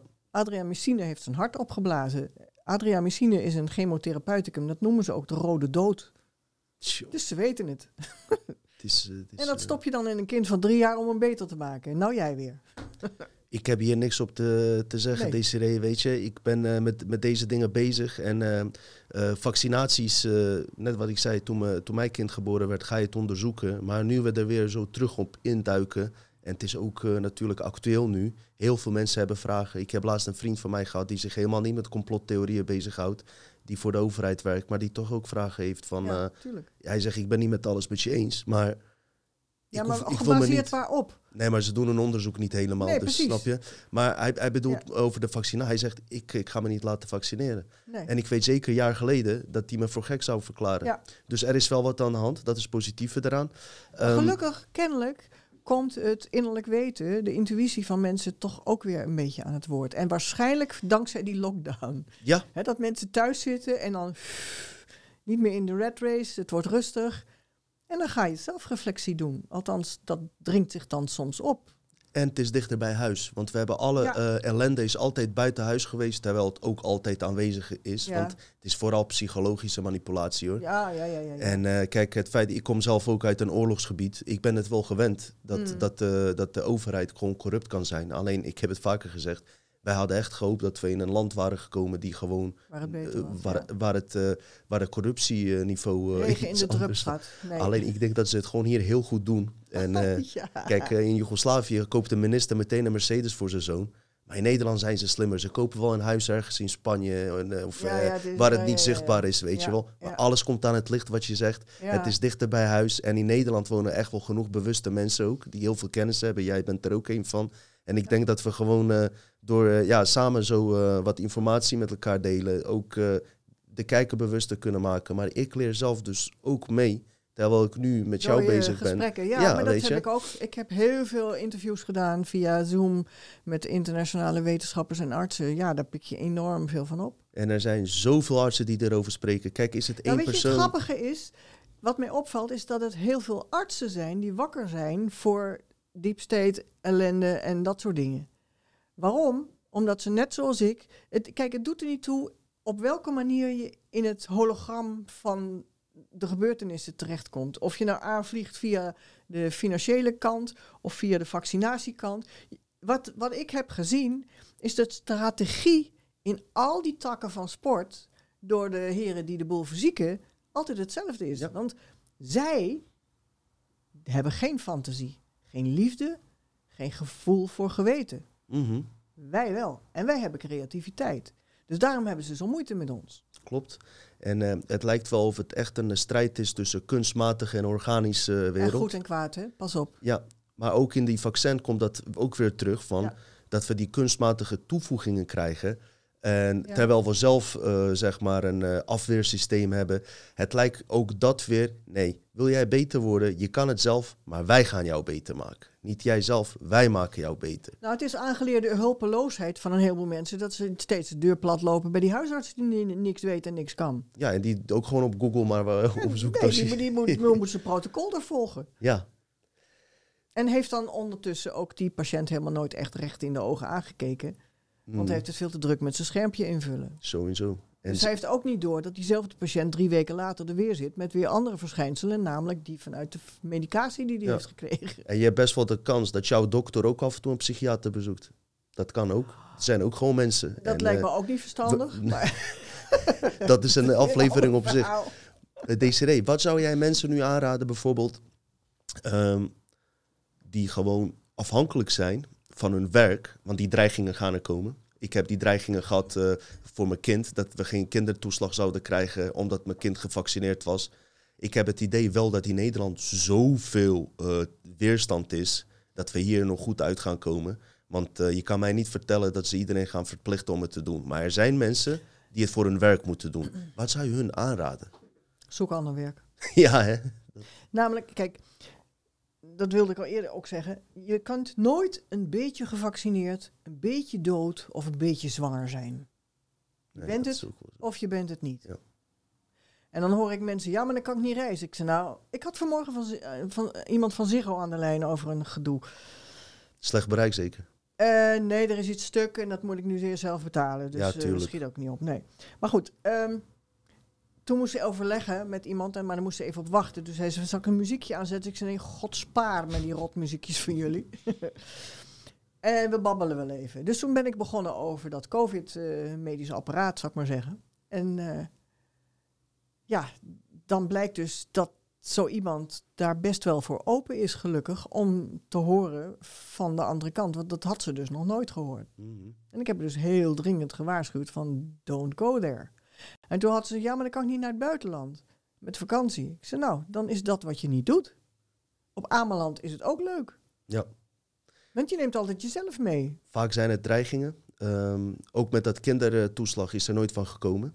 Zeg maar, dat, Nee, eh, maar dat je ja, geen goed, kinderbijslag Dat, krijgt. dat zijn inderdaad de middelen die ze dan gaan gebruiken. Hè? Eh, je mag niet met de tram en je mag niet met dit en je mag niet eh, naar moet je, ehm. Je moet je laten testen. Test kost iets van 150 euro of 250 euro per persoon. Als je dan in dat geval een land over wil. als je Ja, zelf moet betalen kost Ja, 150 euro. 150 euro. Gaat Dus ze doen er eigenlijk alles aan om je om, ja, om, om je leven minder leuk te maken. Als je maar, want ik hoorde al in die speech van Rutte, er is einde van het licht, want de vaccins komen eraan. Ja, ja, ja, ja, ja. ja. Nee, het zijn geen vaccins. Het i- Rutte, het is een eh, ma- machineapparaat, toch? Het zijn geen vaccins. Ja, het is, het is een medisch apparaat. Medisch apparaat. Op, op moleculair niveau, dus nano. Wij eh, wachten het maar af. Het wordt sowieso een heel eh, spannend en een eh, jaar ook weer die in ons geheugen zal blijven. Ook 2021. Het kan niet anders. En ik denk dat op dit moment dat medisch apparaat, COVID, een zeer actueel en interessant onderwerp is. En wie weet in de toekomst ook dat we daar vaker over kunnen praten hoe het zich Ja. gaat ontwikkelen, eh Desiree.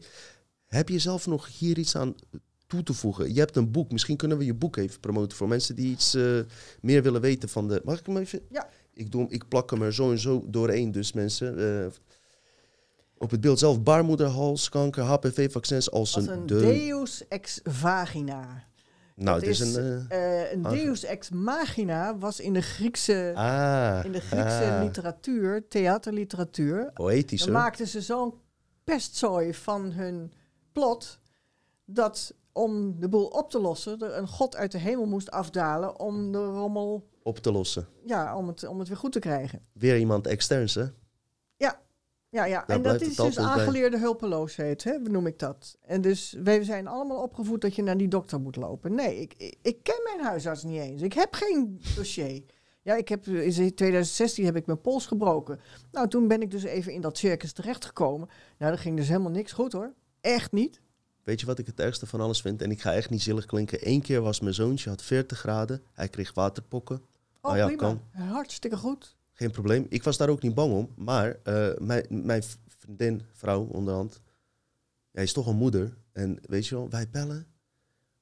Oh, laat er maar thuis niks aan de hand door dit en dat. En het is ook niks aan de hand. Maar ik denk bij mezelf, wanneer, wanneer heb je wel eens een keer tijd dan? Weet je wel? Van, we bellen je bijna nooit. En als je al belt, is het zo ook ongeïnteresseerd. Zo zakelijk geworden.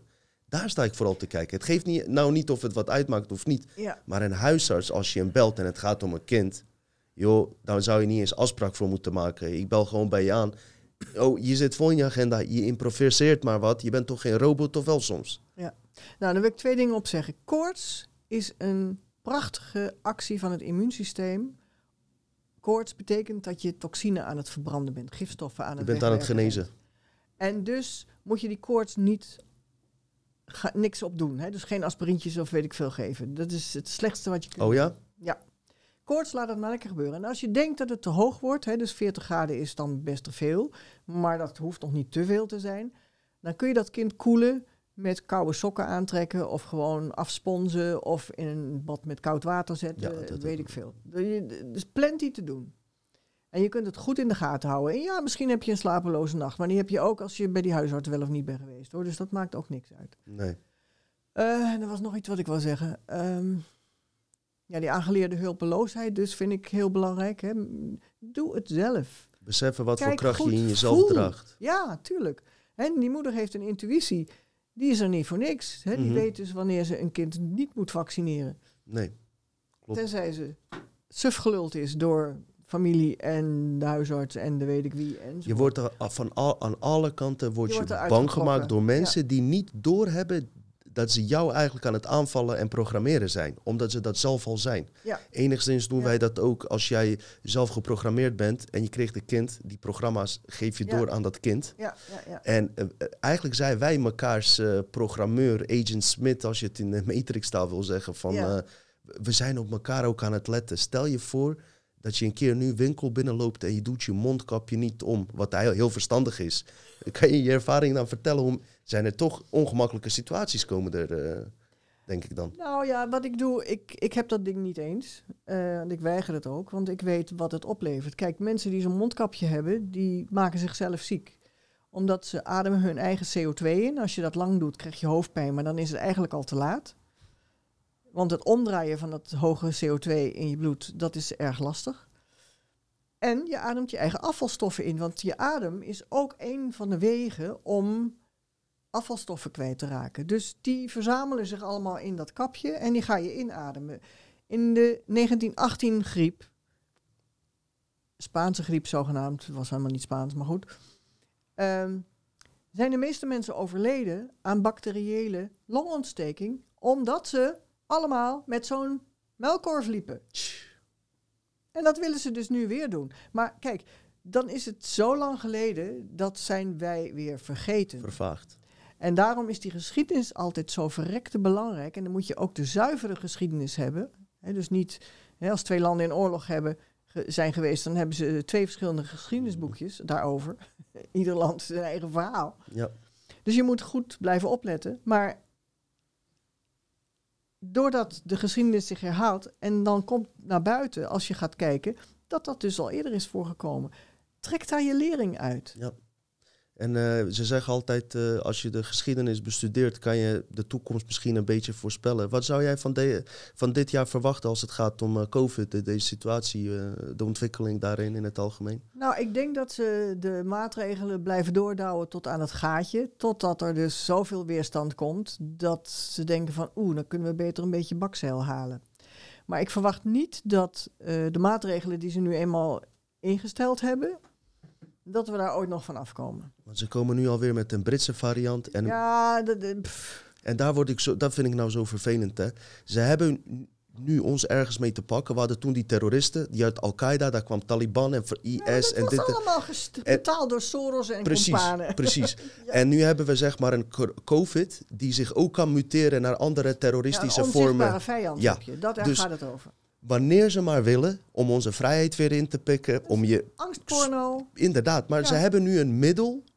ehm, straks ook als het overwaait, stel je voor alles wordt weer normaal, kunnen ze bijvoorbeeld zeggen, ja weet je, je hebt een huis dat bijna afbetaald is, eh, we moeten elkaar helpen. Geef maar de helft van eh, de waarde van je huis om eh, de, de, de, de schade die is geleden eh, voor de voor, economische schade. Ja. We moeten elkaar helpen, weet je wel. Onder die mom gaan ze, ben ik bang, nog heel veel vrijheden Nou, afpakken en, en je geld. zit. Ik denk dat het nog Gelukkig heb ik dat laatste niet, dus. Ik denk dat het zo is dat eh, deze hele exercitie gaat helemaal niet om COVID. Het is de, de, de linkerhand van de vogelaar. Maar wat doet die rechterhand? Die rechterhand is bezig om de nieuwe wereldorde-agenda van de Verenigde Naties Ja. in te stellen. En dat betekent dat we allemaal onder een communistisch regime komen. In het kwadraat. Nog erger dan in China. Ja, Dat is de bedoeling. En dat betekent dus dat niemand meer bezit mag hebben. Zelfs geen auto. Je moet alles huren en leasen.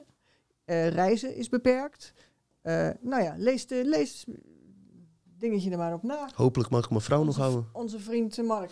Nee, want het gezinsleven moet er ook naar aan. Dat Ja. willen ze ook vanaf. Oké, nou ik ben benieuwd wat er gaat gebeuren dan. Ja, Eh Desiree, even wa- wat een beetje ook samengaat met, eh, met andere onderwerpen waar wij mee bezig zijn. Ik ben er, eh, nou, overtuigd wil ik niet zeggen, maar het valt gewoon steeds meer op dat we de technische kant op gaan, kunstmatige ja, intelligentie. Ja. Ja, absoluut. Eh, zie jij linken met eh, eh, zo en zo de situatie nu?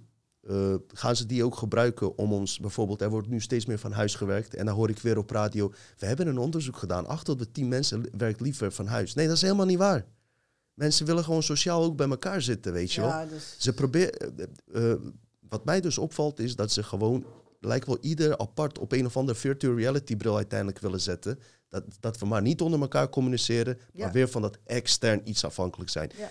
Eh, zie jij hier iets in dat die COVID-vaccin, de substanties, die nanotechnologie, ja. daar linken mee heeft met Oh ja. eh, de mens maken tot een transhumanisme, Ja, of hoe je dat noemt? absolutely. Wie daar heel veel over gezegd heeft is eh, Dr. Karim Mandic. En dat is een Amerikaanse arts die twee ziekenhuizen heeft geleid. En die in haar verleden op bijeenkomsten is terechtgekomen waarvan ze zich toen afvroeg van wat doe ik hier. Maar nu denkt ze van, wat was heel goed dat ik daar zat. Mm, En die heeft dus heel goed die, in die nanotechnologie gekeken. En eh, wat bij ons wordt binnengebracht eh, via die zogenaamde vaccins, eh, dat is ook nanotechnologie. En dat betekent dat op een gegeven moment zitten er dus entiteiten in ons die kunnen communiceren met ons, maar ook vanuit ons. Hè? Dus nou, dat is ad, ad 1. Ad 2 is dat daardoor, en doordat we eh, gesynthetiseerde spullen in ons genoom hebben gekregen, ehm, zijn we ook patenteerbaar. Dus ze kunnen ons patenteren. Jij kunt worden gepatenteerd Omdat er in jou een stukje zit waar een patent op zit. Ongelooflijk. En dat is precies hetzelfde wat ze hebben gedaan met voedingsgewassen. Eh, canola, dat is koolzaad. Eh, er was een boer in Canada, Percy Smyser. En die had eh, een land vol met iets gebouwd, bebouwd. Maar dat was van een buurboer die wel die Monsanto shit had. Was daar één plant van in zijn perceel terechtgekomen. En toen heeft hij dus toen heeft hij beschuldiging gekregen van patentbreuk door Monsanto. En het eind van het liedje was, hij heeft dus, ik weet niet hoeveel honderdduizenden dollars moeten betalen voor advocaten en rechtszaken en weet ik wat. En hij heeft dus op een gegeven moment zijn hele silo met gespaard zaad moeten vernietigen. Tja. En dat brengt mij ook meteen dat een van de factoren die ik nu zie dat ook aan de hand is, is dat de voedselschaarste wordt gekweekt. Want wat ik heb gezien bij mij in de buurt in Noord-Holland, dat er een heleboel landerijen niet bebouwd zijn geweest met voedingsgewassen. Afgelopen. Het is wel seizoen. grappig dat je dat meldt, want eh, in Kroatië is een gebied, heet Krajina, supermooi gebied. En daar zijn ze, dit zijn gewoon burgers die het vertellen, eh, die helemaal niet met complotten bezighouden. Ze zeggen, er komen vliegtuigen over, komen chemtrails, sporen en onze gewassen gaan kapot. Mhm. Gebeurde jaren achter elkaar. Die mensen, die leefden van hun gewassen als het ware. Weer een ambulance natuurlijk. We hebben gelijk, hè? Onderstreept wordt het. Ongelooflijk. Ehm, even kijken. eh, jaren achter elkaar, die mensen moesten emigreren uiteindelijk, omdat ze gewoon niet konden rondkomen. Ja. Uiteindelijk, het is een supermooi gebied trouwens, eh, zijn die mensen weggegaan. Eh, het land was niet, niks meer waard. Heeft Rockefeller gewoon die hele gebied Alles opgekocht. opgekocht. Ja, En wat gaat daar nu komen? Monsanto eh, eh, fabrieken met kunstmatige Oh, ja. ingrediënten, wat ook weer hiermee te linken heeft. En ik moest, een paar maanden later kwamen ook die problemen met boeren in Nederland. En Ja. natuurlijk is er één laag van, natuurlijk dat ze willen profiteren van de, de grond verkopen. Maar als je dieper kijkt, gaat het eigenlijk om die om voedselschaarste. voedsel creëren, zodat er kunstmatige zaadjes van Monsanto Ja. Weer bij ons worden geïmplementeerd, wat ook weer, denk ik, gepaard gaat met dat eh, transhumanisme. Dus eigenlijk zijn ze met een genetisch proces bezig, als je, als je het Ja, zo ja, ziet. ja, ja. Is- wij worden genetisch gemanipuleerd. Ja, Ik zou- absoluut. ik- ja. En niet, niet alleen, met, nou, het is voedselschaarste wat ze willen kweken. En dan wat er dan nog op een landerij, land terechtkomt, moet dan inderdaad van Monsanto, Bayer Ja. of whatever. Zij komen met de oplossing. Syngenta, ja. Ja, ik, het zou fijn zijn ook. eh, ik, ik weet niet of andere podcasts ook hier wat meer aandacht aan geven, maar dat ze daar hier ook eens vooral op induiken, weet je wel. Want er Mhm. spelen altijd meerdere agenda's. Ja, ja, ja, Tuurlijk is er één agenda van, voor farma-industrie die geld wil verdienen. Maar de diepere laag van Ja, de beïnvloeding van ons psychologisch als mens zijnde is eigenlijk nog belangrijker. En het zou fijn zijn als er mensen zijn, en die zijn er in Nederland, die hier ook eens even aandacht aan zouden geven. Nou ja, vaccinatie is überhaupt al een wapen eh, voor massadestructie. Sowieso. Ja. En dit COVID-19-ding eh, is dat tot Ja. in de tiende macht. Ja, het is gewoon een eh afsluitingssoort van, eh, van, Nou ja, van het het- proces. manip- het maakt een, een genetische manipulatie van de mens. Zeker. En dat is Dat is- stap nu 1 op. in een heel lang verhaal, waarbij we dus op een gegeven moment eh, een heleboel van ons vallen om. En eh, vaak nog in een, in een 1, 2, 3, hè, in een drietraps eh, verhaal. Want er zijn twee memo's van de WHO uit 1972 die beschrijven hoe je in drie stappen een heel, hele bevolkingsgroep uit kunt schakelen, hè, kunt doodmaken. En dat is dat je stap 1 is dat je ze geeft iets eh, wat eh, het immuunsysteem stopt. Dan ga je het lichaam helemaal volgooien met eh, virussen, bacteriën en weet ik wat voor meuk. En dan ga je als stap 3 weer het immuunsysteem knalhard aanzetten. En wat er dan gebeurt, dan krijg je dus cytokinestormen, waardoor de cellen van je immuunsysteem jouw eigen cellen gaan aanvallen. En je valt dan dus gewoon uit elkaar. Wat dus ook met die arts die geen bloedplaatjes meer had, is gebeurd.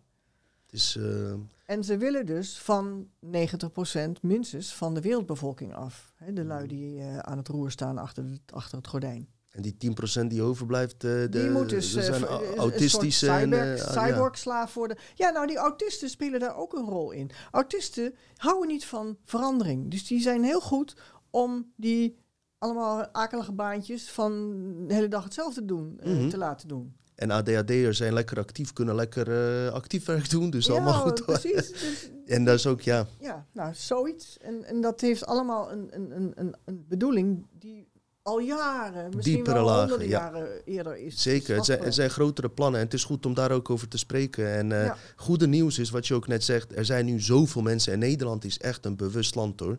Want ik, uh, ik moet zeggen, ik was uh, van de zomer in Bosnië en ik had verwacht dat daar wat meer uh, rebelsheid zou zijn. Nee hoor, die mensen hebben weer eigen problemen om hoe ze rond moeten komen economisch. Nou ja, dat is dus, Weet ze worden bezig gehouden. Ze worden bezig zodat gehouden. ze daar niet aan toe komen. En dat is überhaupt met alle mensen zo, die zijn gevaccineerd, die auto-immuunziekte hebben opgelopen, die hebben ze veel te druk met zichzelf. Hè, Lyme hoort daar ook bij. De ziekte van Lyme hoort oh. daar ook bij in dat verhaal. En dan heb je vanuit Lyme kun je ook weer naar de God, hoe heet dat? Een Morgellons toe. En Morgellons ziekte is dat mensen allerlei rare vezels in hun lichaam hebben die naar buiten komen kruipen. Maar dat blijken dus vezels te zijn die uit laboratoria komen. En dat komt dus via chemtrails. Had je niet die Morgellons ontbijt of zo eh, vroeger? Een soort uh, cornflakes is dat. Oh, nou ja. ja. Nee, daar zit ijzer in. Kun je magneet bij houden het, goede nieuws is, uh, deze inderdaad, mensen worden nu gewoon massaler wakker. In Nederland vooral. Ik, ik, verwacht veel van Nederland. En uh, ook toen ik van vakantie terugkwam, geloof het of niet, toen ik bij de grens was en ik kwam in Nederland, voelde ik me toch een soort van vrijer. Want van de zomer in Kroatië, overal mondkapje, winkels, was van de zomer al zo. Terwijl in Nederland nog relatief omdat wij blijkbaar ook toch een bewustzijnsveld ingooien van weerstand hier. Uh, ik verwacht veel van Nederlanders in deze situatie. Dus uh, mensen. Nou, het is, het is nog niet erg genoeg, denk ik, uh, Dino, voor Nederlanders om uit hun stoel te komen. Nou ja, er moet meer gebeuren hè, voor ze misschien. Ja, Maar er zijn mensen, er zijn wel veel professionele mensen die bewust zijn. Daar ben ik wel blij mee. Ja, ja, ja, ja, Daar ben ik echt blij mee. Dus bedankt iedereen ook die hiermee bezig is. DCD, we zitten op anderhalf uur. Ik, zou je heel, ik vond het een superleuk gesprek. Zeg je hoe snel dat ging? Wat zei je? PCR-test, ja, die hebben we niet gehad. Oh, daarom, ik wilde vragen... ja, tuurlijk, tuurlijk. Snel, ja, we hebben een hele goede regisseur hier zitten. Geen probleem, bedankt uh, regie. Hier staat uh, Steven Spielberg, helpt ons op de achtergrond. ja. Hoe heet het? Uh, ik wilde juist net vragen, ik ben door mijn vraag heen. Mocht je zelf nog wat ja. aan toe te voegen Nou, die PCR-test, um, de maker, de ontwerper van de PCR-test... wat in de moleculaire biologie wordt gebruikt, is een prachtig ding. Maar de ontwerper daarvan, uh, die daarvan zijn bedrijf waar hij toe voor werkte 10.000 euro voor heeft gekregen, of dollar of zo. En toen hebben ze later hebben ze datzelfde ding verkocht aan een farmaceutisch bedrijf voor 320 miljoen dollar. Kijk je, zo werkt dat. Maar Carrie Mullis, de, de ontwerper van de PCR-test, heeft heel nadrukkelijk gezegd: je kunt daar alleen maar een stukje genetisch materiaal mee aantonen. Je kunt daar niet een infectie mee aantonen. Nou, wat doen we? Uh, we roepen, hè, je moet een PCR-test hebben. Nou, dan gaan ze eerst heel diep tot kotsend toe met een wattenstaafje keel in. En dan gaat diezelfde wattenstaaf, met alles wat er voor meuk dan aan zit, gaan ze je neus in. En als het goed gaat, dan doen ze dat dus recht naar achteren. Maar dan heel ver. En dan gaan ze ook nog even flink Ik heb hem gehad, hè? En dat gaat dan in een ding en met je naam erop. Dus ze hebben je DNA met mhm. naam en toenaam. Dat om te beginnen. En dan gaan ze daar een PCR-test mee doen. Nou, dat betekent dat wat daar op dat wattenstokje zit, dat, gaan ze, dat is zo minuscuul qua, qua uh, deeltjes, daar kun je niks op zien uh, op een, onder een microscoop. Dus dat gaan ze vermeerderen, amplificeren. En dan wordt het dus 1, 2, 4, 8, 16. Hè, dat gaat heel snel. Dat wordt heel snel heel veel meer. Maar alle vervuilingen die erin zitten gaan dus ook mee die kant op. En dan is het maar net bij welke ronde je ophoudt, bij welke cyclus heet dat dan. Um, als je 60 keer zo'n cyclus hebt gedaan, dan is iedereen positief. Dus je, mag je kan zelf bepalen of je iemand uh, in principe positief het of negatief is? Het laboratorium kan bepalen hoe ze daarmee voezelen, ja, precies. En daar wordt dan weer mee gespeeld met die ja, cijfers. En dan noemen ze dus als, kijk, ze moeten het dus vergelijken met stukjes die ze dan hebben opgekregen van het, desbetreffende laboratorium. Van daar moet je kijken of dat erin zit. Nou, een van de stukjes waar uh, het instituut Pasteur mee werkt, is een 18 letters van een sequentie, gensequentie, van ons eigen chromosoom 8. Dus geen wonder dat iedereen positief is, maar ook geen wonder dat niemand manifest is. Niemand heeft verschijnselen. Maar een positieve PCR-test heet dus meteen, en dat zijn die woordspelletjes weer, een besmetting. En dat is geen besmetting. En het is geen besmetting. Nee. Want je kunt niet zien daaraan of die sequentie daarin zit, in dat monster, vanuit een bezig zijnde infectie, of vanuit iets wat al is geweest, wat nog is blijven hangen. Dus het is een totaal WS-verhaal. Je ziet dat uh, ineens uh, in 2020 uh, mensen niet meer aan kanker doodgaan, niet meer aan hartaanvallen, allemaal alles aan COVID. Is, alles, alles COVID. is COVID. En, ja. en nogmaals, probeer dat maar eens met iemand. Weet je, ik, ik, ik, neem, ja, eigenlijk moeten we die discussies wel voeren, want we willen mensen wakker maken. Maar ondanks dat wat je net noemt, kan je je voorstellen dat mensen kijken en zeggen: Ja, zal wel het interesseert ja, mij niet, mijn leven gaat je verder. Dat ook niet doen, want nee. oogst je DNA, dus dan ben je helemaal vogelvrij. Sowieso. Uh, Sowieso. Ja, ik uh, weet je. Het is geen leuke boodschap. Soms denk ik, soms denk ik echt, uh, en wat je net ook zei, misschien hebben Nederlanders het nog te goed. Er moet gewoon iets gebeuren. Ja. Waardoor een, een, ik zeg niet, even voor de duidelijkheid, voordat ze het in verkeerd, niet dat we moeten gaan rellen en gebouwen moeten binnenstormen. Nee, ben maar ik niet als voor. iedereen al massaal ophoudt met die mondkapjes bijvoorbeeld. En op dat, elkaar letten. jongen en, die daar dan wat aan doet. En, en meester lopen spelen. Ik bedoel, zo'n jongen die bij Albert Heijn wer werkt, die dan gewoon een oude man een beetje de les gaat voorlezen of die zijn, of een vrouw maakt niet uit, zijn ja. mondkapje op moet doen of niet. Nee, dat moet ook niet gebeuren, weet nee. je wel. Nee. Nou, wordt er weer een opgehaald hoor, deze ja, het is weer gelukt. oh ja, het virus is... Ja, dat is ook een hele goede. Zie je, de regisseur, die hebben we toch hartstikke hard nodig. Hij is goed bezig hoor. Ja. Hij is goed bezig. Je, je, je, komt in de ondertiteling uh, aan het eind. het virus is nooit geïsoleerd. En dan kom je nog weer op een ander verhaal. Hè. Dus het virus is nooit geïsoleerd. Dus hoe ziet het virus er dan uit? Waardoor je een gensequentie hebt die je, waartegen je zou kunnen testen. Dus dat is ook al bullshit. Maar het virus is nooit geïsoleerd. Het is nog heel anders. Wij worden niet besmet door virussen van buitenaf. Dat is het verhaal van Pasteur. Mm -hmm. Maar zo werkt het niet. Nu is heel erg opgekomen het verhaal van de exosomen. Een exosoom is een blaasje in de cel dat de gifstoffen in die cel verzamelt en dan in een soort van pop die cel uitkomt. En dan zie je dus... Oeh, sorry. Geef niet hoor. Dan zie je dus dat plaatje van die cel met van die rondjes te buiten. En dan roepen ze, oh, dat is corona. Hè? Want daar komt de naam vandaan, ze, ze, weten niet eens hoe het eruit ziet, hè? Nee, nee, nee. We hebben allemaal alleen maar een computerding, hè? Ja. Met die prikkertjes erop. Ja. Maar goed, en er zijn dus onderzoeken geweest onder de elektronenmicroscoop. En dan zie je zo'n cel met van die, van die rondjes allemaal. En dan zeggen ze, dat is een kroon. Oh, dat is corona. Nee, dat zijn die exosomen die uit die cel zijn gekomen om gifstoffen uit het lichaam af te voeren. Wij, maken, wij bestaan voor 80% uit virussen en bacteriën. De enige die artsen, uh, waar ze het over hebben, zijn onze darmbacteriën. En zo heet het tegenwoordig niet meer, want het heet nu het microbioom. Hè? Want artsen veranderen hun terminologie elke vijf jaar, want dan is de leek weer het spoor kwijt. Snap je? Ja. Dan kunnen ze weer met hun potjes Latijn. Hebben we het niet eens over HIV-virus gehad hoor? Nee. Oh jee. Aflevering apart of niet? Dat is ook ja, nog dat een verhaal. ook niet. Nee, Ja, goed. maar ja. Dus, maar die, die exosomen, dat zijn dus onze hulpmiddelen. Dat zijn intelligente pakjes ehm, genetische informatie die precies weten waar ze iets moeten doen en wat ze daar moeten doen. Dus dat moet je gewoon lekker laten gebeuren. Ja. Dat is het intelligentie van het lichaam. Jij denkt ook niet na als jij een gat in je knie bent gevallen van... hoe, dan moet ik er toch gauw een kortje opmaken. Hoe doe ik dat? Nee, je gaat dat gebeurt gewoon vanzelf. Klopt, klopt. Nou, niet Ja. vanzelf. Je lichaam weet hoe het moet. Ja.